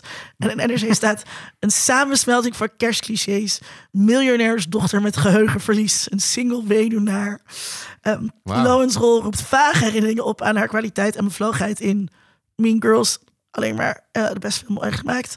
Ehm, en dan staat er ook, het is een prima opener van de Lohanissance. Wauw. Oh. En ik, I'm gonna try to make the Lohanissance. Ik kan het bijna niet zeggen. I'm gonna try to make it happen. Ik zag de poster hiervan voorbij komen. En ik herkende Lindsay Lohan gewoon niet. Gewoon, ik zat echt naar die poster te kijken. Zo, moet ze hierop staan? Waar zit ze? Hmm. Weet niet. Maar eh, ja, vet dat ze weer terug is. Ik ben heel benieuwd. Oh ja, eigenlijk van kerstfilms. Eh, mm, nou, ik kan er wel mee. Laten we daarop houden. Ja, ik, je, er- tolereert ze. ik, ik accepteer hun aanwezigheid op mijn tv-scherm. Hoe meer maand erin zitten, hoe jaar. beter. Maar zet je, ze, maar zet, kijk, kijk, zet je het aan? Nee, maar ik woon samen met iemand die heel erg van kerst houdt. Dus dat was ook echt... eh, december begint en dan... eh, ik heb heel erg van, na Sinterklaas, dan mogen de kerstliedjes komen. En Jasmine is het daar niet mee eens. Ehm ze hadden ook al kerstversieringen in huis en zo heel vroeg. Eh, dus ik, ik heb daarmee leren leven. En zelfs ook een beetje van leren houden. Ik, ik, ik zal niet heel erg grinchy doen. Ik vind het op zich ondertussen, omdat ik het nu elk jaar heb, heb ik toch wel weer een beetje warme gevoelens erbij. Maar ik ben geen kerstfilmfan. Het is niet mijn ding. Goed. Sowieso ga ik je dwingen om in de kerstvakantie met mij iets kerstigs te kijken. Dat is goed. Dat is goed. Maken we daar een bonusaflevering over. Zolang we maar geen hele aflevering eh er meer over hoeven te doen. Ja, onze kerstspecial trouwens, eh, die we eh, volgende week gaan opnemen, ga- is Kerst met Nicolas Cage. Kerst met cake. Ja, dus we gaan Oh. alleen maar Nicolas Cage films behandelen. Dus Oh, dat, eh, wauw. dat weet de luisteraar dan alvast. Eh, wat weer heel erg leuk. Daar, daar heb ik wel heel erg veel zin in. Ja. Weinig met kerst te maken, maar Ja, waarbij we ook zaten toen we dit eh, even aan het voorbespreken waren gisteren. Wat is er eigenlijk kersterig aan Cage? Behalve dan de K. Die maar het is geen niet eens een Dus. maar we gaan er wel echt een, we gaan er echt een kersterige uit, uit aflevering Ja, van ja. maken. Ik zit Ja. heel even te denken, een van die films, The Weatherman of zo, was toch best wel een kerstfilm? Ik weet niet meer. Oké, dit moeten we op gaan zoeken. Of hij, ooit, hij, heeft zoveel bagger gezeten. Eén van die baggerfilms moet wel een kerstfilm zijn. We- Daar gaan we nog naar kijken. We houden onze socials in de gaten voor eh, wat het precieze corpus gaat worden. Als je dat het huiswerk film mee wil met kijken. Thea Leoni, dat is de kerstfilm volgens mij. Dat We is The. Weatherman. Ja. Oké. Dan gaat die op de lijst. Mm, Of, eh, Mm. oké. Wat is er ook met Thea Leoni gebeurd? Zij was echt heel up and coming. Ja. Nu is ze helemaal weg. Ja. Op een gegeven moment was ze gedegradeerd tot sitcoms en toen daarna niks meer. Sad. Niet Zo gaat het in kerstrig. Hollywood. Nee. Zo Niet. Hollywood. Zelf kijk ik nog uit naar eh, Dragon Age Absolution. Eh, en dat is een anime-serie gebaseerd op een gamereeks van begin jaren 10, eind jaren 0, Dragon Age. Eh, dat heb ik toen altijd met heel veel plezier gespeeld. Eh, het is een beetje high fantasy, maar dan met een wat duisterder randje Hm. eh, erin. Dus je hebt wel magie, maar magiegebruikers worden door een inquisitie heel heftig vervolgd. Eh, en het was altijd een soort hele complexe morele wereld waar je als speler dan keuze in moest maken van aan wiens kant sta je, wie ben jij, wat doe jij. En dat was altijd heel vet aan die wereld. En nu is er in die wereld dus een anime-serie geproduceerd door Netflix. Dus daar ben ik eigenlijk heel benieuwd naar, want sinds 2014 is daar al niks meer in gebeurd. Dus dat wil ik gewoon gaan zien. Daar heb ik zin in. Goed, dit was aflevering 109 van Geeky Dingen. Heel erg bedankt aan Ivo en Ruud dat jullie er Superleuk dat waren. jullie er waren. Heel erg leuk. gedaan. Dankjewel voor de uitnodiging. Ja, graag gedaan.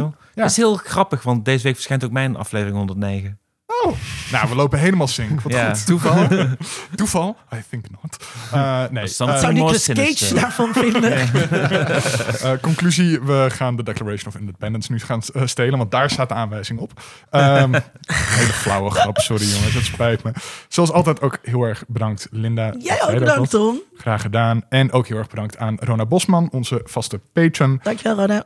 Wil je ons ook steunen? Dat kan op Patreon en Vriend van de Show. Ehm, Op Vriend van de Show kan je nog veel meer.